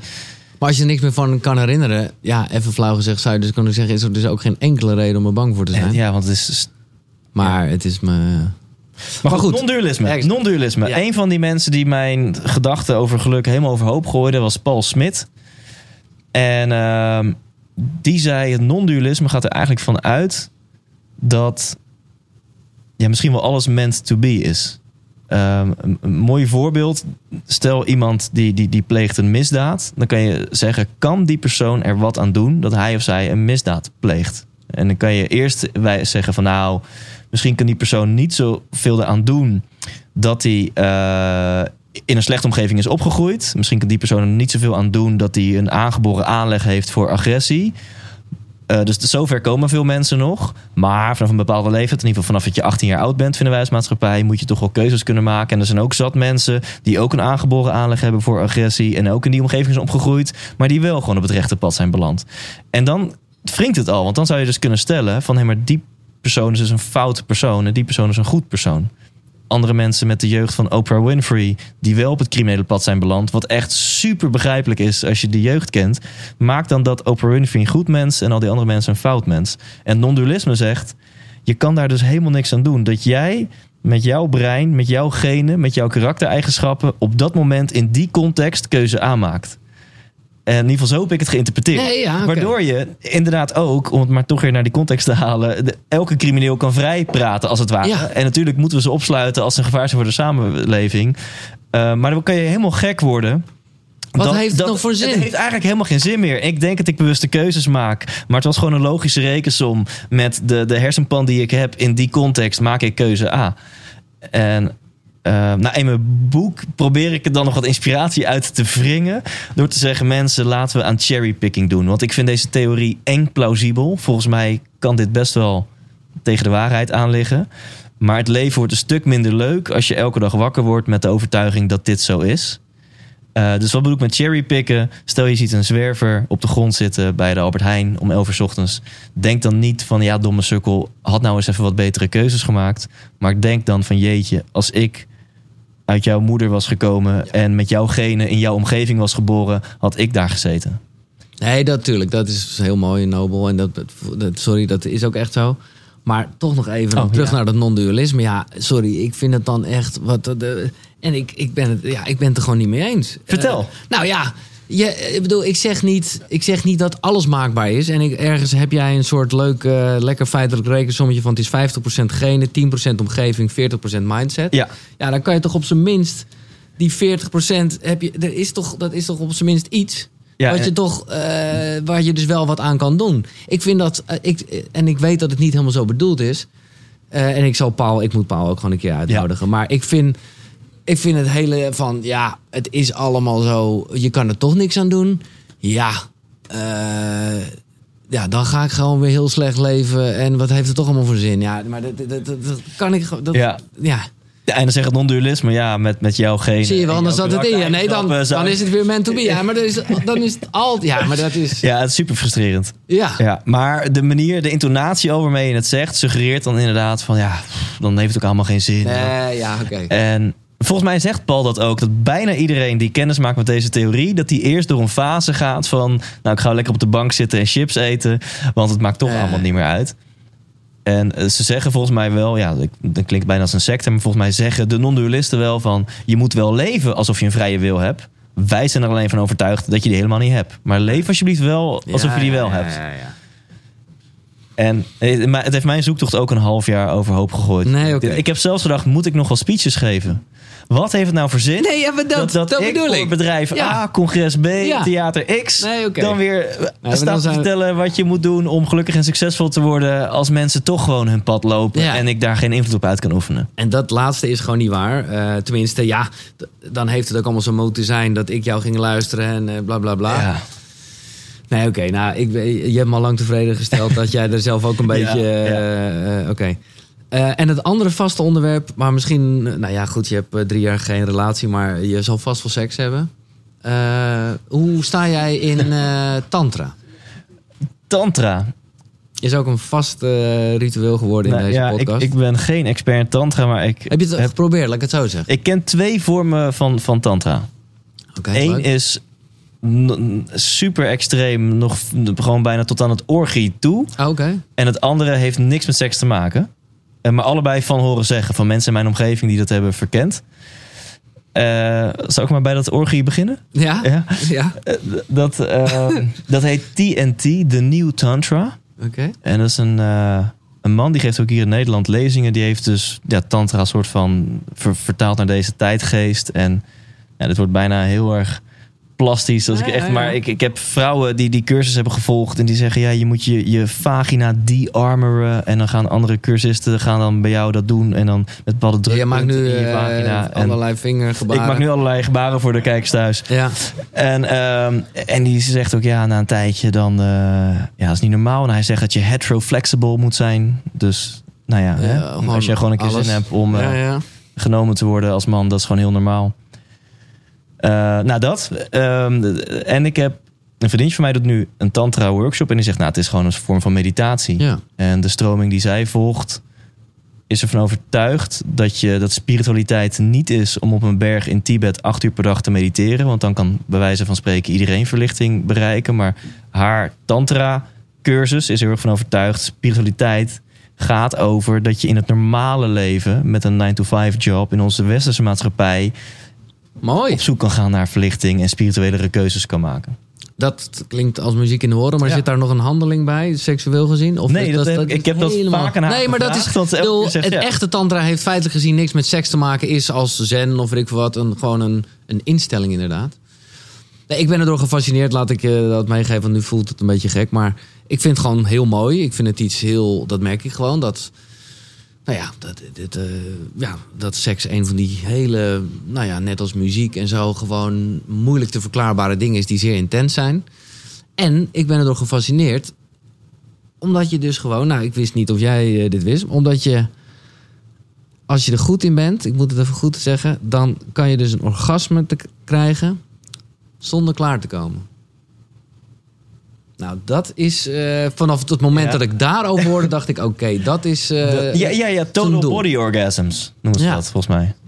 Is dat gelukt? Nee, nee, nee. Is- nee, ik, eh, working on it. Maar eh, het, het, het voelt ook heel geforceerd of zo. jij zo'n challenge aan te gaan? En 30 dagen is een extreem, maar jij houdt toch van extreem? Ja, Dat je met je, met je vriendin 30 dagen lang elke dag seks hebt. Oh ja, juist ook niet die. klaarkomen. Dus je moet Oh. elke dag seks hebben, maar je mag niet klaarkomen. Ik moet echt, ik moet gelijk pissen nu. Nee, maar echt. Nee, maar echt. Nee, maar, maar gewoon, ja, ik ga ook even plassen. Oké. Maar Ja, nee, ik, weet niet of ik het durf. Ik kom trouwens nu naar de vragen toe. Ja, Eh, dus we doen even een pauze in de podcast. Nou. Heeft iemand een vraag? Oh, dat, dat moeten we dan bewaren voor, eh, voor in de uitzending natuurlijk. En hoe zit het met jullie allemaal? Ja, hoe zit het met jullie orgasmes?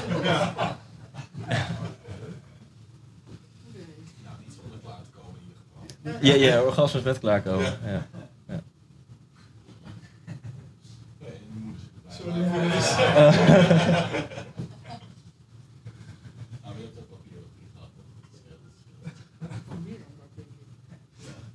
Is het heel gek om hierbij te zitten? Niet? Ja. Wel. Leuk. Ja, cool. Ik, eh, ook in de podcast moest ik het volpraten. Of heb je hier, wat heb je Nee, ik, gezegd? ik heb ze glazen... dit is ongeëdit, dit, hè? verle- Ja, echt waar? Ja. Oh, dit hebben we niet geëdit? Nou, nee. Oh, maar ja, ik ja, dacht, dat ik dacht, gezegd. Dan- ja, dat had ik moeten zeggen. Ik Ja. dacht, ik ga even je boek pluggen of iets. Maar ja, sorry. oh, ik oké. het Nou ja, ik, ik heb wel wat vragen aan de mensen gesteld of, ze, Oh, of het awkward is om hierbij te zitten. En dat was het. Ja, Oh, top. ja. Eh, ja, ja, ik denk... Ja, ik heb wel nog heel veel vragen. Maar ik zie ook dat we... eh, ja, we zijn alweer lekker lang bezig. Ehm, oh nee, dat. En dan gaan we naar de vragen. Jij hebt het in je boek over een eh, buddy. En ik hoor Oh ja. jou zelf net al een paar keer de term coach noemen. Ja. Is dat hetzelfde? In- als ik het in mijn boek heb over een buddy, dan bedoel ik niet per se een professional, gewoon een slachtoffer Nee. in je omgeving die jou beetje eh, sharp kan houdt, heb je het, ja, ja, ja, doelen. En een coach is toch meer eh, eh, leraar-leerling-achtig. Ja. ja. En hoe, eh, hoe vind je een coach? Hoe, hoe zijn coaches bij jou op je pad gekomen? Ja, ik heb echt het geluk. eh, nou, en je krijgt ook een bijbehorend eh, factuurtje. Maar ehm, dat, dat ik de, in mijn ogen de beste coach van Nederland heb. En dat is Albert Sonneveld. En ik had hem geïnterviewd. En eh, hij had over dat hij eh, expert was om mensen te helpen die in de shit zitten, die in een burn-out zitten. En eh, dat het vaak ook mensen zijn die, die drukke levens hebben, echt achievers, die business, privé, alles, alles door elkaar doen. En toen, twee of drie maanden later, zat ik in die burn-out. Dus toen heb ik Albert gebeld. Bam. Ik zei, Albert, okay. ken me nog? Ik was dat gastje die je had geïnterviewd een paar maanden geleden. En volgens mij zit ik in de shit.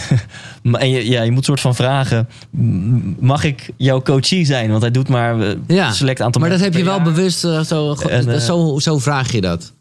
Ja, nou, in dit geval. omdat hij, Ja. hij is gewoon een. Ja, het is ook weer zonder hem neer te zetten als een soort van halfgod of zo. Ja. Maar ehm, ja, ik zie hem wel als, als een van de beste coaches van Nederland. En ehm, hij zegt dus ook heel vaak nee als, als mensen klant bij hem willen worden. En heb je nu nog af en toe een eh, check, eh, zeg maar? Ja, ja, af en toe dan spreek ik hem nog. En dat, ja, die, die gast is.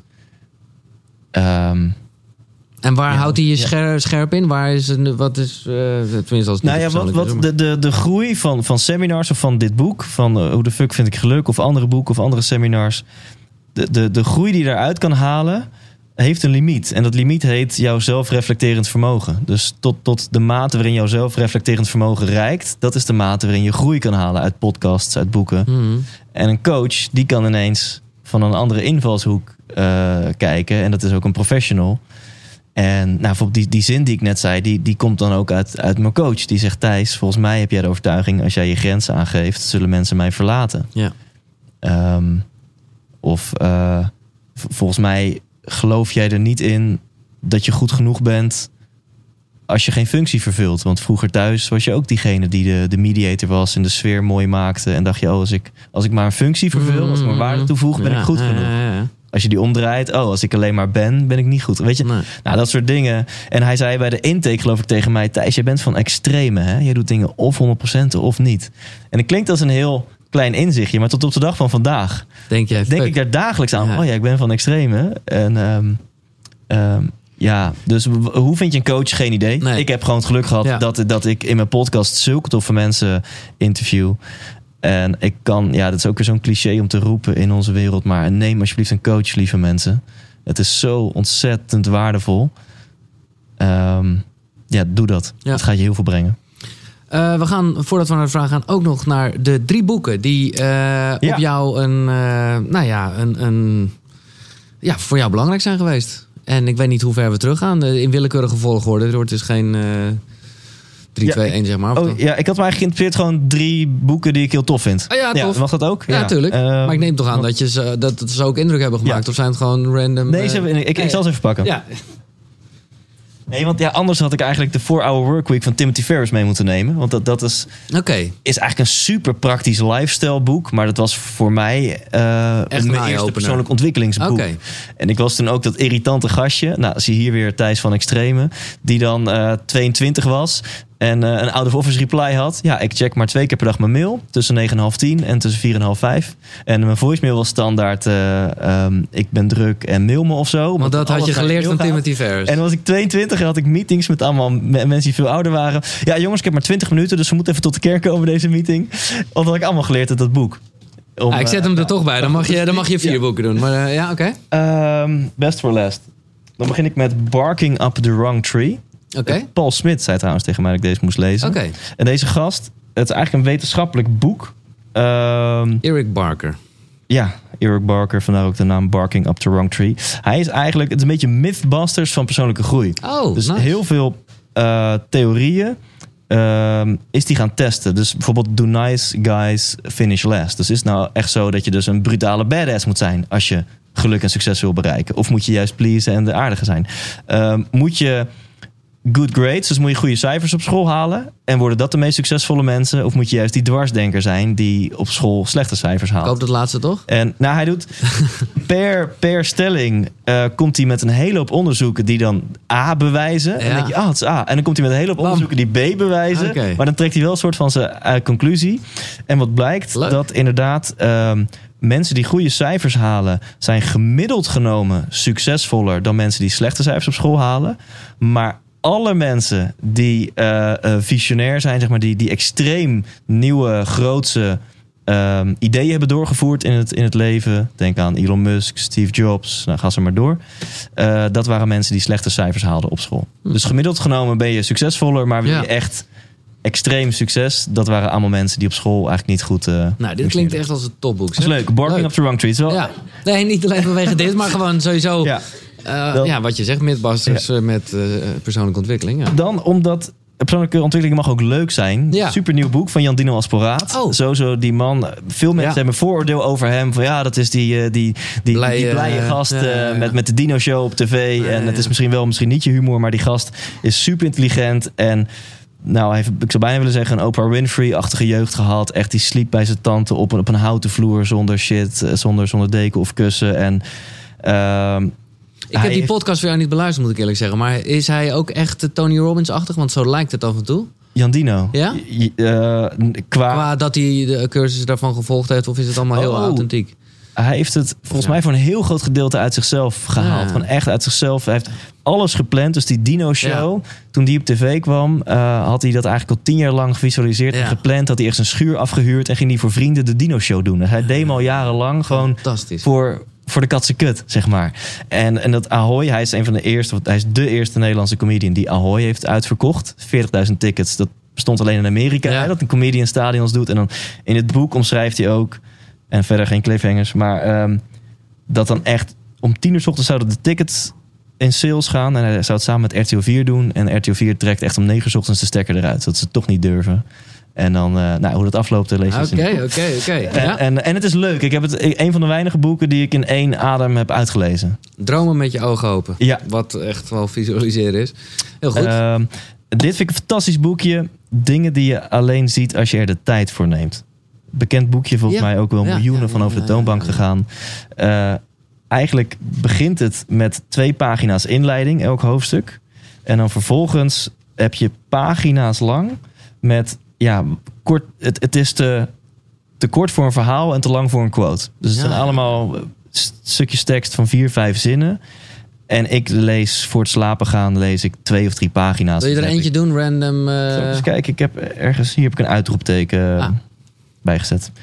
In een groepje van zeven of acht mensen zijn er zeker één of twee die ons heel aardig vinden. En één of twee die niet zo dol zijn op ons. Neem het niet persoonlijk, zo zit de wereld gewoon in elkaar. Lekker. Nou, dat is best wel eh luchtig, Mooi. toch? Ja, en een andere, ik, ik weet hem uit mijn hoofd. Hij zei, realiseer je dat mensen die pesten... of die onaardig doen, of die kwaad doen...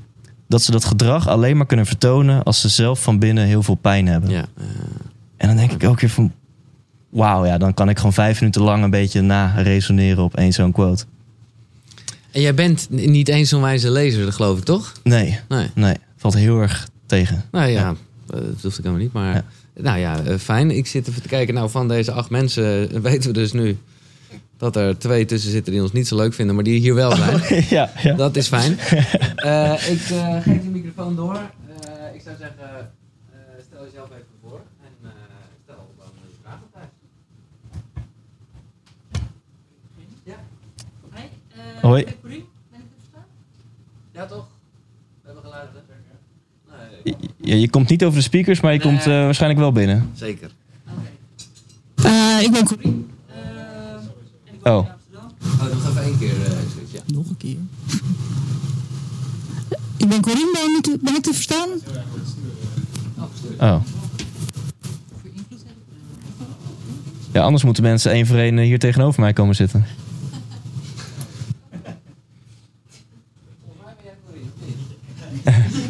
Mij ben ik Corine, ja.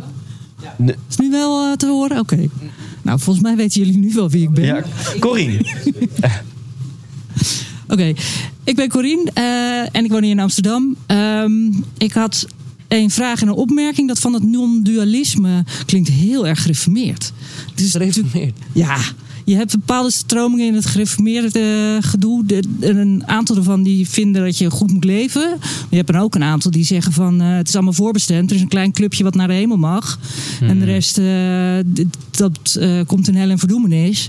Dus wat je ook doet, komt toch ja. niet uit. Dus ja, kijk, voor de goede orde. Uiteindelijk is het best is het wel een stuk positief hoor. Is het vooral ook een beetje. Tenminste, dat is de positieve herformulering. Neem het leven zoals het is of zo, weet je. De, de, eh, hoe zeg je dat? Ja, volgens mij bedoelt hij ook een beetje van het loopt zoals het loopt. Dus stel, eh, Ja. je, hebt een, eh, je wil een event organiseren en je doet er alles aan om dat event uit te verkopen. Maar je verkoopt gewoon niet genoeg tickets. Dan is het heel verleidelijk om boos te worden op jezelf. Of te denken van, nou ja, ik heb mijn marketing niet goed aangepakt. Of ik ben niet succesvol. En dan is de non-dualistische overtuiging van, dit is helemaal niet aan jou. Jij kan Nee. doen wat binnen jouw invloed ligt. En voor de rest is het aan het universum, aan de wereld... of mensen wel of geen tickets gaan kopen. Dus ze bedoelen het ook Dan heeft het zo moeten zijn. ja, het, Ja. Ja, op die manier. En dat, maar goed, dat ligt dus heel dicht tegenaan. Je kan er niks aan doen. En, Ja. eh, Ja. Maar ja, oké, Ja. ja.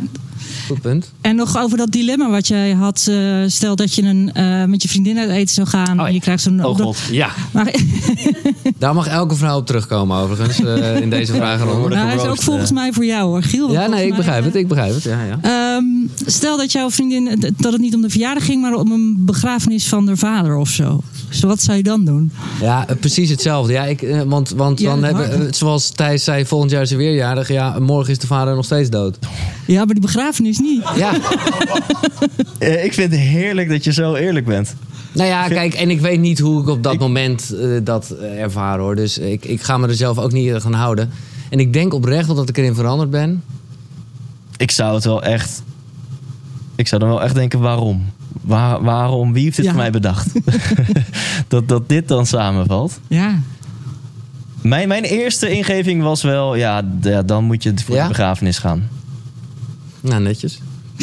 nou, Nou, dat was het even. Oké, goede vraag. Ja. Irritant goede vraag. Ja, ja, inderdaad, ja. Eh ben Jeltje en mijn vraag is: wat zou je je vierjarige zelf willen vertellen met de kennis die je nu hebt? Vierjarige zelf. Eh, ja, eerst in me opkomt is het komt goed. Dus ik denk dat denk dat, dat het is. Hmm. Komt goed. Dat is ook echt lief. En eh, ook een warmte die, nou ja, we hebben het daarover gehad. Ja. Die je ook dus echt wel nodig had. En jij, Giel? Nou, ik weet, ja. Ja, ja je, met terugwerkende kracht. Nou, hij ligt daar wel eh, eh, dicht tegenaan. Maar inderdaad een beetje, je bent goed zoals je bent. Denk ik. Ik ben heel benieuwd ook, Giel, of jij het gesprek gaat voeren met, eh, met je ouders. Zeker. Met je moeder. sorry. Ja, ja, zeker. Ja, ja, ja. Ja. ja. En ik bedoel, het is niet, ik heb daar al, en, en ik, het is niet zo, de, de laatste tijd stel ik al meer vragen dan ooit een beetje in die categorie. Maar, ja, ik heb het nooit zo gesteld zoals jij, terwijl ik, eh, nou ja, dat eigenlijk ook wel weet. En voor de goede orde, ik heb er het, geen waar, het is ook niet, ik wil er helemaal geen schuld neerleggen of Nee. zo, helemaal niet zelfs. Maar ik zou er wel meer over willen weten, ja. Ja. Ja. Ja, ik stel de vraag even namens ons. Eh, ja, wij zijn uh, Benja en Rachel. En ik vroeg me eigenlijk heel erg af thuis. Jij neemt best wel grote risico's. Heeft dat eigenlijk altijd heel erg in jou gezeten? Of heb je dit heel bewust gedaan? Omdat een mens van principe best wel risico-avers is. Ook vol- volgens verschillende theorieën, zeg maar. Ben je Ja. ook als kind al zo geweest? Of... Ehm, ik denk wel dat dat heel erg in mij zit. Risico's nemen. Ge- gepaard met, met rebels zijn. Ehm, toen ik voor het eerst mijn theatershow deed... to- toen was ik echt een no-name. Gewoon een, een normaal mens met een normaal eh, eh, leven... en geen fans of volgers of zo. En toen heb ik dus al mijn vrienden en familieleden... dat waren er toen 150 in een ruimte gezet... en een avondvullend programma gedaan... met een drumstel en met een show... en met nou, wat later dus de shows geworden die, eh, die het nu is geworden. En als ik daar aan terugdenk, denk ik... hoe heb je dat ooit gedurfd? Uh, uh, Nu vind ik het al eng als, als in een zaal van 400 mensen drie... eh, eh, jij bent naar mijn show geweest, Giel. En Mm. dan, ik kende 399 mensen niet en één wel. En dat was jij. En da- daar ben ik dan zenuwachtig voor. En dus ik begrijp nu niet met terugwerkende kracht hoe, hoe ik het heb gedurfd. Ik weet niet wat het antwoord op je vraag is. Maar ja, ik, ik denk wel dat dat is een bepaalde gecontroleerde roekeloosheid. En misschien soms ook niet gecontroleerd dat dat wel in mij zit. En dat is wel in mijn succes in elk geval denk ik een, een succesfactor. Een, eh, een gunst. Oké, dankjewel. Hi, ik ben eh Mavis. Ehm, ik heb jouw eh, pod- podcast eh, geluisterd van jouw eh, nieuwe boek, eh, De Weg naar Geluk. Ehm, zeg maar de geluksformule hè, met eh, thema's zoals ehm, eh, eh, liefde en ehm, mindset. En wat ik me afvraag is, hoe creëer je nou die geluksformule voor de nieuwe generatie? Voor onze kinderen. En misschien is dat nou, ik zit te denken, we hebben zelf drie meiden. En Ja. eh, meer een thema waar ik zelf mee bezig ben. Ehm, om een voorbeeld te geven, ik heb ook heel veel gelezen en eh kennissessies en, eh, en inspiratiesessies gevolgd. En je ziet toch dat mensen een beetje tussen de 30 en 40 daar hè, op een gegeven moment die vraag stellen van... En nu dan? En waarom dit? Of waarom dat? Of weet je, waarom is het zo? En hoe kun je dat nou meenemen ehm, naar je kids toe? Hoe kun je dat inbedden? Misschien wel in, eh, nou ja, wat Giel zo mooi zegt, hè, dat je dat ehm, standaard inbedt in je opvoeding of in je leven. Ja, dus eigenlijk dingen als eh, hoe bouw ik liefdevolle relaties? Hoe ga ik om met tegenslagen? Hoe maak ik keuzes in het leven? Hoe je dat Ja, ja wat, je, wat je ook al zei, je krijgt het niet op school, hè? In, in, in een vak. eh. Ja. Hoe kun je dat nou mooi meegeven, zeg maar? eh? Ja, ik vind het een super goede vraag. Want we kunnen natuurlijk een waanzinnig lespakket samenstellen. Wat volgens mij langzaam ook wel steeds meer aan het gebeuren is. Maar misschien is de moeilijkste vraag nog wel: hoe krijgen we kindjes of kinderen of tieners gemotiveerd dat ze het leuk Ja. gaan vinden? Hè? Want per definitie vinden we vakken op school niet zo leuk. Of dat is ook weer projectie. Ik vond school niet leuk. Ehm, ja, maar of- alleen al zo'n wijsheid als die ik net voorlas van iemand die pest heeft zelf gewoon heel veel pijn van binnen. Wat nou als je op dat niveau met de leraar het thema pesten komt bespreken in de klas? Mhm. Dat is natuurlijk super. Ja, dus ik denk dat soort kleine dingen. Dat je. eh, Maar ja, ben je er wel klaar voor op die leeftijd? Ja. Is het niet gewoon dat je eerst gewoon dat onbezorgd moet ondergaan voordat je er vragen over stelt en wijsheden in krijgt? Ja, ik weet het niet hoor. Ja, misschien ook wel. Maar misschien, en misschien ook denk ik wel eens aan... eh, ehm, mensen zijn zo gewend van wat wil je laten worden? Maar je kunt heel veel worden, weet je. Het is niet dat je één beroep moet kiezen. Nee. Of, ehm, nou, of die dankbare momentjes. Dat je dat, dat eh, een dochter van drie, denk ik, dat je al kunt vragen... wat vond je nou het leukste vandaag? Eh, dat je ze zo... Maar dat zijn, nou ja... Nee, ik denk wel en hoop ik ook dat we gewoon in een veel ontwikkelder en daarmee ook soort spirituele of in ieder geval meer bezig met zelfontwikkelende eh, ja, levensfase zitten. Dus ik denk ook echt wel dat jongeren er eerder mee bezig zullen zijn dan wij dat ooit waren. Maar ik denk ook dat je gewoon met een bepaalde soort nergens over nadenken. eh, ja. Ik bedoel, er zal een moment komen dat je naar de middelbare school gaat en toch ernstig de behoefte hebt om je te bewijzen en zo. Ja, het zou, het zou mij heel gek lijken als iedere iemand in de brugklas eh, heel eh, meditatief om zich heen kijkt en denkt: ik ben gewoon zoals ik ben. Ja. Want ja, dan wie, wie ben je dan? Je moet, je, wordt ook, ja, je moet ook nog gevormd worden of zo. Ja, in, in de grote pauze ga ik even mediteren. Ja, nou ja. Ja. Nou, ik vind het al top dat kinderen en zo vet kinderyoga en zo bestaat. Maar dat gaat veel meer gewoon over, over Ja. beweging. Eh, maar wel een goede vraag. Ja, ik, eh, ik dacht eigenlijk dat Thijs de fout, het foute antwoord ging geven. Ik koop allemaal een boek. Hoe de fuck vind ik geluk? Maar dat viel mee. Nou, dat doe jij voor Ja, bij deze. Ja, bij deze. Op, het, eh, eh, op fuckgeluk.nl kan je hem gewoon kopen, hè? weet je dat? Top. Gewoon een heel makkelijke URL. Misschien niet voor een nieuwe Ja. boek, eh, Thijs. Sorry? Nieuwe boek voor in de toekomst. Ja, speciaal gericht op Ja. kinderen bedoel je? Ja, nou, Ja, ik denk nieuwe dat generatie. dat een beetje de, de, de wedervraag is waarmee ik je vraag kan beantwoorden. Je zou dan echt in hun belevingswereld moeten stappen. Dus het hangt heel erg af van hoe oud ze zijn. Ik zelf mag wel eens praatjes houden voor studenten. Die zijn dan tussen de 17 en 22. En dan merk ik dat ik hun wel echt kan pakken, omdat ik ben natuurlijk 32. Dat is nog Ja. relatief jong. En ik kan echt nog vertellen over mijn periode op school, alsof het gisteren was. Ja, precies. En dan kan ik wel echt allemaal dingen als je, je cirkel van invloed en productiviteit. En, en, en pak meer grip op je emoties. En zelfs tot aan verbinding en spirituele toe. Kan ik ze echt wel voor een groot gedeelte meebrengen. Zonder dat het nu nou arrogant klinkt ja. of zo. Ja, ja, ja. Ehm, maar dat zou ik, ik zou dat niet kunnen bij, denk ik, scholieren op de, op, op de, hoe noem je het? Eh, tussen 13e en, en 18e. Dus dat is dan je middelbare school. Ja. Puberteit. En Ja. helemaal niet bij kindjes in groep 6. nee, ja. Dus ik denk dat je dan op moet zoek moet gaan naar, naar lesmethodes en leraren die in de belevingswereld van die kinderen kunnen stappen. Oké. Het, eh, ik kom nog bij mijn allerlaatste vraag, die er een beetje mee samenhangt. Maar wil je eigenlijk vader worden? Ja. Verbaasd? Nee, nee, nee, maar nee, oh, nee zeker niet. Kijk, ik zeg verbaasd. Nee, nee, nee. Ja. Leuk. Ja, ik hoop het. Ja. Mag ik nog één vraag stellen uit nieuwsgierigheid? Je mag die van mij wel stellen. Oh, Ik zit helemaal blanco in. Dus Lekker, oké. Dan mag je er twee stellen. Dus je, nou, misschien sluit dat hierop weer aan. Soms heb je nuchtere mensen in je omgeving.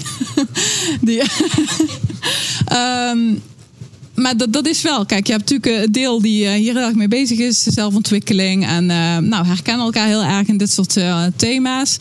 Maar ook mensen die zich totaal niet herkennen. En daar gewoon heel nuchter in staan. Misschien, ik weet niet of jullie dat vaker meenemen. Hoe, hoe gaan jullie daarmee om? Nou, kijk, dat, eh, dan ga ik echt, echt het verkooppraatje houden. Eh, want dit is eh, wat op de voorkant staat: het zelfhulpboek ook voor mensen die een hekel aan zelfhulp hebben. Kijk, ik denk dat dat wel.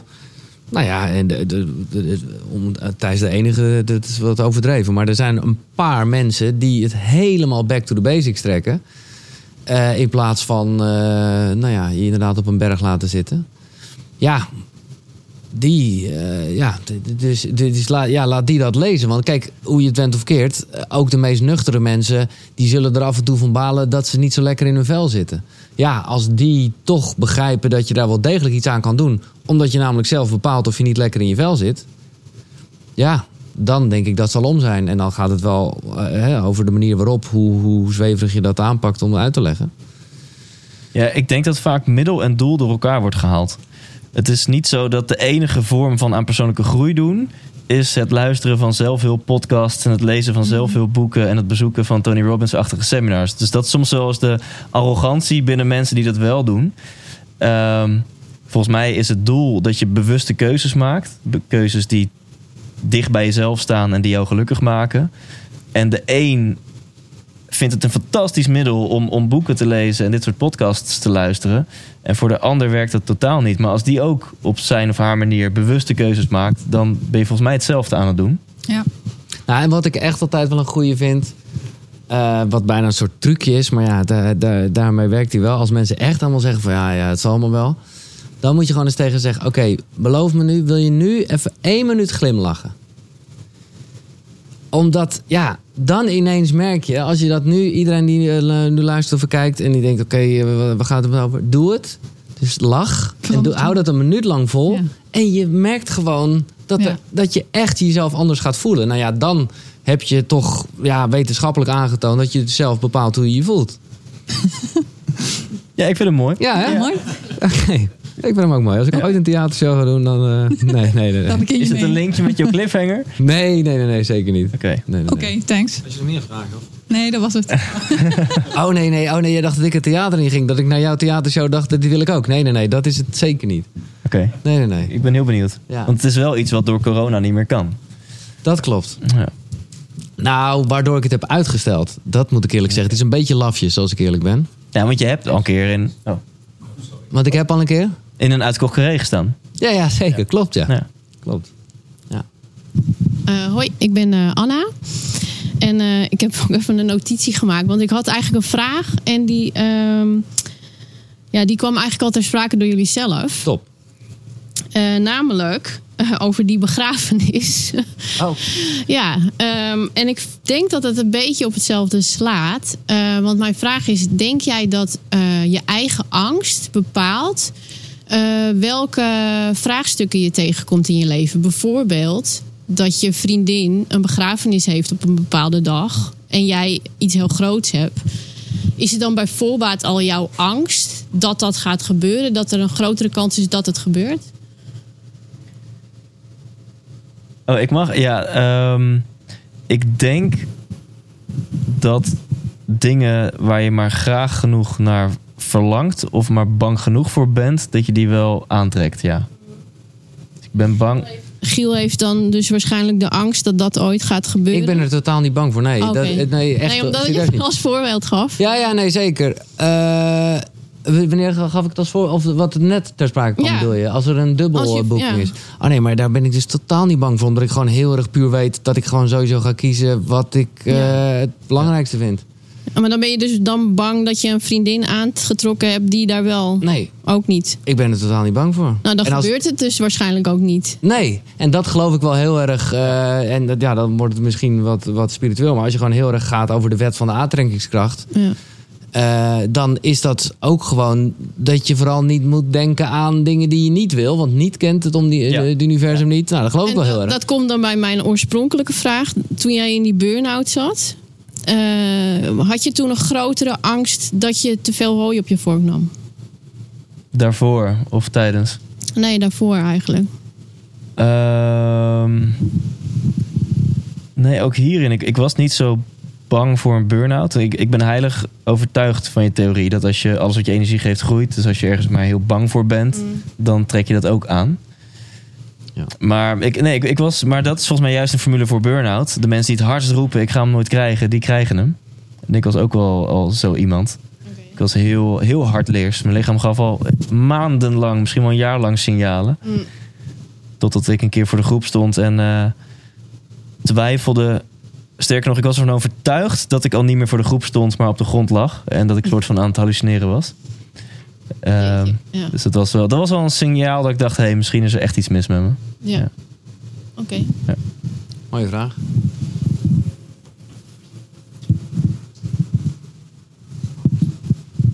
Hi, ik ben Gerco. Hi. En mijn vraag is, eh, je bent een eh, people pleaser, zeg je? Of een, eh, ja. Hoe heb je dan toch ervoor, ge- eh, hoe heb je er toch voor gezorgd dat je je eigen pad hebt bewandeld? Omdat je toch waarschijnlijk mensen in je omgeving had die zeiden van... Ja, maar je hebt een goede baan, je hebt je, je, je schaapjes op het droge staan. En dat je toch, eh, wat heb je daar in je mindset voor gedaan?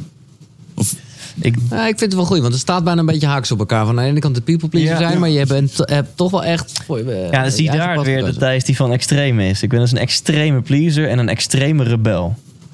Dus als je mij in een van die twee rollen tegenkomt, dan denk je, oh, deze gast heeft echt scheid aan alles. Of je denkt, oh, dit is echt een watje die alleen maar naar de verwachtingen van andere mensen aan het leven is. Ehm, maar het, het level waarin ik deed aan persoonlijke groei, eh, het aantal boeken wat ik toen eh, verslonsde, eh, seminars die ik volgde, ik zat in meerdere masterminds. Dus met dat level aan in- intensiteit is het denk ik onvermijdelijk dat er na een tijdje wel dingen op je pad gaan komen of dingen gaan veranderen. En hij heeft het dus ook geleidelijk gedaan. Kijk, voor het verhaal was het natuurlijk fantastisch geweest als hij Taylor Swift zat te kijken en de volgende dag zijn baan opzij en Ja, zei: Fuck you, ik kom hier nooit meer terug. Ja, Maar dat heeft hij toch ook niet gedaan. nou, toch? Je hebt het En- eigenlijk geleidelijk... eh, ik bedoel, het, het was wel een keerpunt. Dus maar die mindset zat er misschien nog wel twee jaar in. Voordat ik, misschien wel drie jaar. ehm, voordat ik ineens die kans zag van wacht eens eventjes. Als ik nu ontslag neem, kan ik seminars gaan geven over duurzaamheid. En ik zie een gat in de markt. Dus volgens mij kan ik nu veilig een overstap maken naar iets wat veel beter bij me past. Namelijk mijn eigen bedrijf met mijn vrijheid en mijn spelregels. En voor de groep staan. Iets wat ik heel erg leuk vind om te doen. In plaats van achter een Excel-sheet zitten en berekeningen doorvoeren. Uh, dus ik, ja, ik denk dat dat antwoord op je vraag is. Ik was zoveel hiermee bezig dat het onvermijdelijk was dat ik na een tijdje wel uh, een kans ging pakken. Dus vooral ook en dat je eigenlijk in je onderbewustzijn ervan overtuigd was dat het ook kon. Waarschijnlijk. Ja, en met nadruk op onbewust. Denk Ja, ik. Ik, precies, ik was ja. niet eens zo heel specifiek. Nou, ik vergeet ook vaak hoe specifiek ik dingen dan doe. Ik, ik wou nu zeggen, ik heb niet specifiek gevisualiseerd. Terwijl ik volgens mij, na de eerste keer dat ik Remco Klaassen zag, maakte ik al een vision board van uh, dat, dat ik op een podium zou staan en al dat soort ongein. Uh, dus ja, ik heb het uh, en aangetrokken met mijn energie en, uh, en ook gewoon keihard voor gewerkt. Nou, ja. Mag ik nog een vraag stellen? Zeker. Oké. Okay, uh, Oh, die voor jou, ja. Oké, okay, van, van al je podcasts, zeg maar, de mensen die geen goeroe waren of geen deskundige op een bepaald gebied, wie heeft jou de mooiste les geleerd en wat was die les? Um, ik heb een, laatst nog een hele mooie, maar ik weet even niet meer wat dat precies was. Um, wat ik, nou, het is niet zo heel moeilijk hoor om antwoord te geven, want, want ik heb in mijn boek schrijf ik erover, in mijn shows vertel ik daarover dat een aantal mensen die ik heb geïnterviewd, die, die verschrikkelijk trauma hebben meegemaakt en toch. Nou, laat ik dan, om hem ook te eren, Mark de Hond uh, noemen. Ja. Uh, die, is, uh, die is overleden, voor de mensen die dat niet weten, vorige week. En hij was de derde die ik interviewde. En ehm, eerst stond het universum aan zijn kant, zou je kunnen zeggen. Of het geluk stond aan zijn kant. Hij was miljonair, een van de eerste internetmiljonairs. Had een succesvolle baan bij 3FM. En hij was ook nog eens profvoetballer of profkeeper bij een voetbalelftal. Mm. En door een medische blunder uh, werd hij wakker na een operatie en had hij een dwarslesie. En uh, echt verschrikkelijk. Heeft vier jaar over gedaan voordat hij weer een beetje normaal aan het leven kon deelnemen. Um, en toen heeft hij een theatershow geschreven. Die eerst getiteld zou zijn of als onderwerp zou hebben: Ik ben gelukkig ondanks mijn dwarslesie. En toen heeft hij de naam aangepast naar: Ik ben gelukkig dankzij mijn dwarslesie. En uh, nou, hij is dan misschien toch een semi-BN'er, maar ik heb meerdere mensen geïnterviewd met. Ik wil het zeggen, heet die ene man? Die, die... Wouter. Oh, ja. Ja, die, ja. Die, die, leeft gelukkig uh, nog steeds. Daar kom je ook in je boek terug in een theatershow. Dus ja, dus mensen die terminaal zijn, mensen die onterecht hebben vastgezeten in de gevangenis. Mark de Hond die een dwarslesie heeft. Esther Krombach die op de elfde van de een op andere dag blind is geworden. En die zeggen, door die gebeurtenis ben ik gelukkiger geworden. Dat, dat vind ik mega inspirerend. Nou, dankjewel. Ja. Ja, Thijs, uh, allereerst wil ik je geruststellen. De vrouwen bestaan die, uh, die jou dat gesprek gunnen met uh, de ja. Robins. Ja. Puur om jou gelukkig te maken. Ja, ja. Dus daarmee wil ik je geruststellen. je favoriete quote? Um, mag ik er twee noemen? Zeker. Op, op, op succesgebied, volgens mij deelde ik die al net met je. Van, um, van Kevin Hart. Everybody wants to be famous, but nobody wants to put the work in. Nee, mooi. Uh, die staat, dat is wel echt zo, ja. Ja, ja. dus die staat uh, groot in zijn home gym aan de muur. Ja. Dat onderschatten we echt allemaal. Bijna iedereen die dingen bereikt waarvan je droomt, heeft er gewoon keihard voor gewerkt. Ja. En op, Waarbij uh, famous natuurlijk sowieso een wat leeg ding is. Ja, eigenlijk everybody wants to be successful. Ja, ja, nee, maken. ja, ja. ja. Um, op relatiegebied van Harriet Lerner, als ik het goed zeg. Uh, the strongest relationships are between two people who can live without each other, but choose not to. Hmm. Dus daar zit ook weer die onafhankelijkheid Ah, in. ja, ja, dus je ja, kan zonder elkaar, ja, ja. maar je kiest ervoor om dat niet te doen. Wauw. Ja, bedankt. bedankt. Ja, alsjeblieft. Mooi. Maar eigenlijk een vraag was al. Uh, Oh, je was al weggekaald. Nou, heb je een goede reservevraag uh, geïmproviseerd. Hoi Thijs. Uh, ik ben Bas. Je hebt heel veel inspirerende mensen geïnterviewd. Er zijn ook al heel veel inspirerende mensen overleden. Uh, wie had je nog graag willen interviewen die niet meer op de aardbol uh, is? En uh, het, uiteraard het waarom erachter. Oei. Ehm. Maar mijn, dit, dit, dit gaat fout klinken, maar mijn dark mind zegt Adolf Hitler van wat de fuck gaat er in jouw hoofd om? Ja, ik kan me voorstellen. Ja. Ehm, Ik ben hier een keer om ontslagen toen ik dit soortgelijke gevoel probeerde te uiten. ja, jij hebt een keer iets met een boekje gedaan. Ja, maar daar zei ik dus wel bij heel interessant om het werk van een geestelijk gestoorde te lezen. En dat, dat was ook eh, wel echt wat ik meende. Helemaal niet van eh, wat een gaaf boek of wat. Nee, maar gewoon wat, een, wat, een, wat gaat er om in die kop. En dat is wat ik jou eigenlijk ook wil zeggen. Ja. En dan, eh, eh, eh, goede vraag, want ik moet nu improviseren, maar Nelson Mandela. Ja, hoe, je, hoe, hoe lang heeft hij vastgezeten? 27 jaar? Om, om niks. En, en uiteindelijk eh, vrienden geworden met een van die bewakers. Omdat hij een overtuiging had dat die ook maar gewoon hun best deden. Terwijl ze hem als shit behandelden. Ehm, ja, de, ik ben, als we ook maar een microprocent van zijn mindset over kunnen nemen, dat zou kicken zijn. Maar als je nog wel even mag dromen en visualiseren van een nog wel levende. eh, wat, eh, Ehm, ja, Tony Robbins, mits ik hem kwetsbaar kan krijgen. Nee, precies. Dat lijkt me. En ik ken al zijn verhalen, want ik heb hem natuurlijk ook veel te vaak live gezien. Dus ik weet meteen wanneer hij in zijn standje, standje eh, gaat. ja, ja.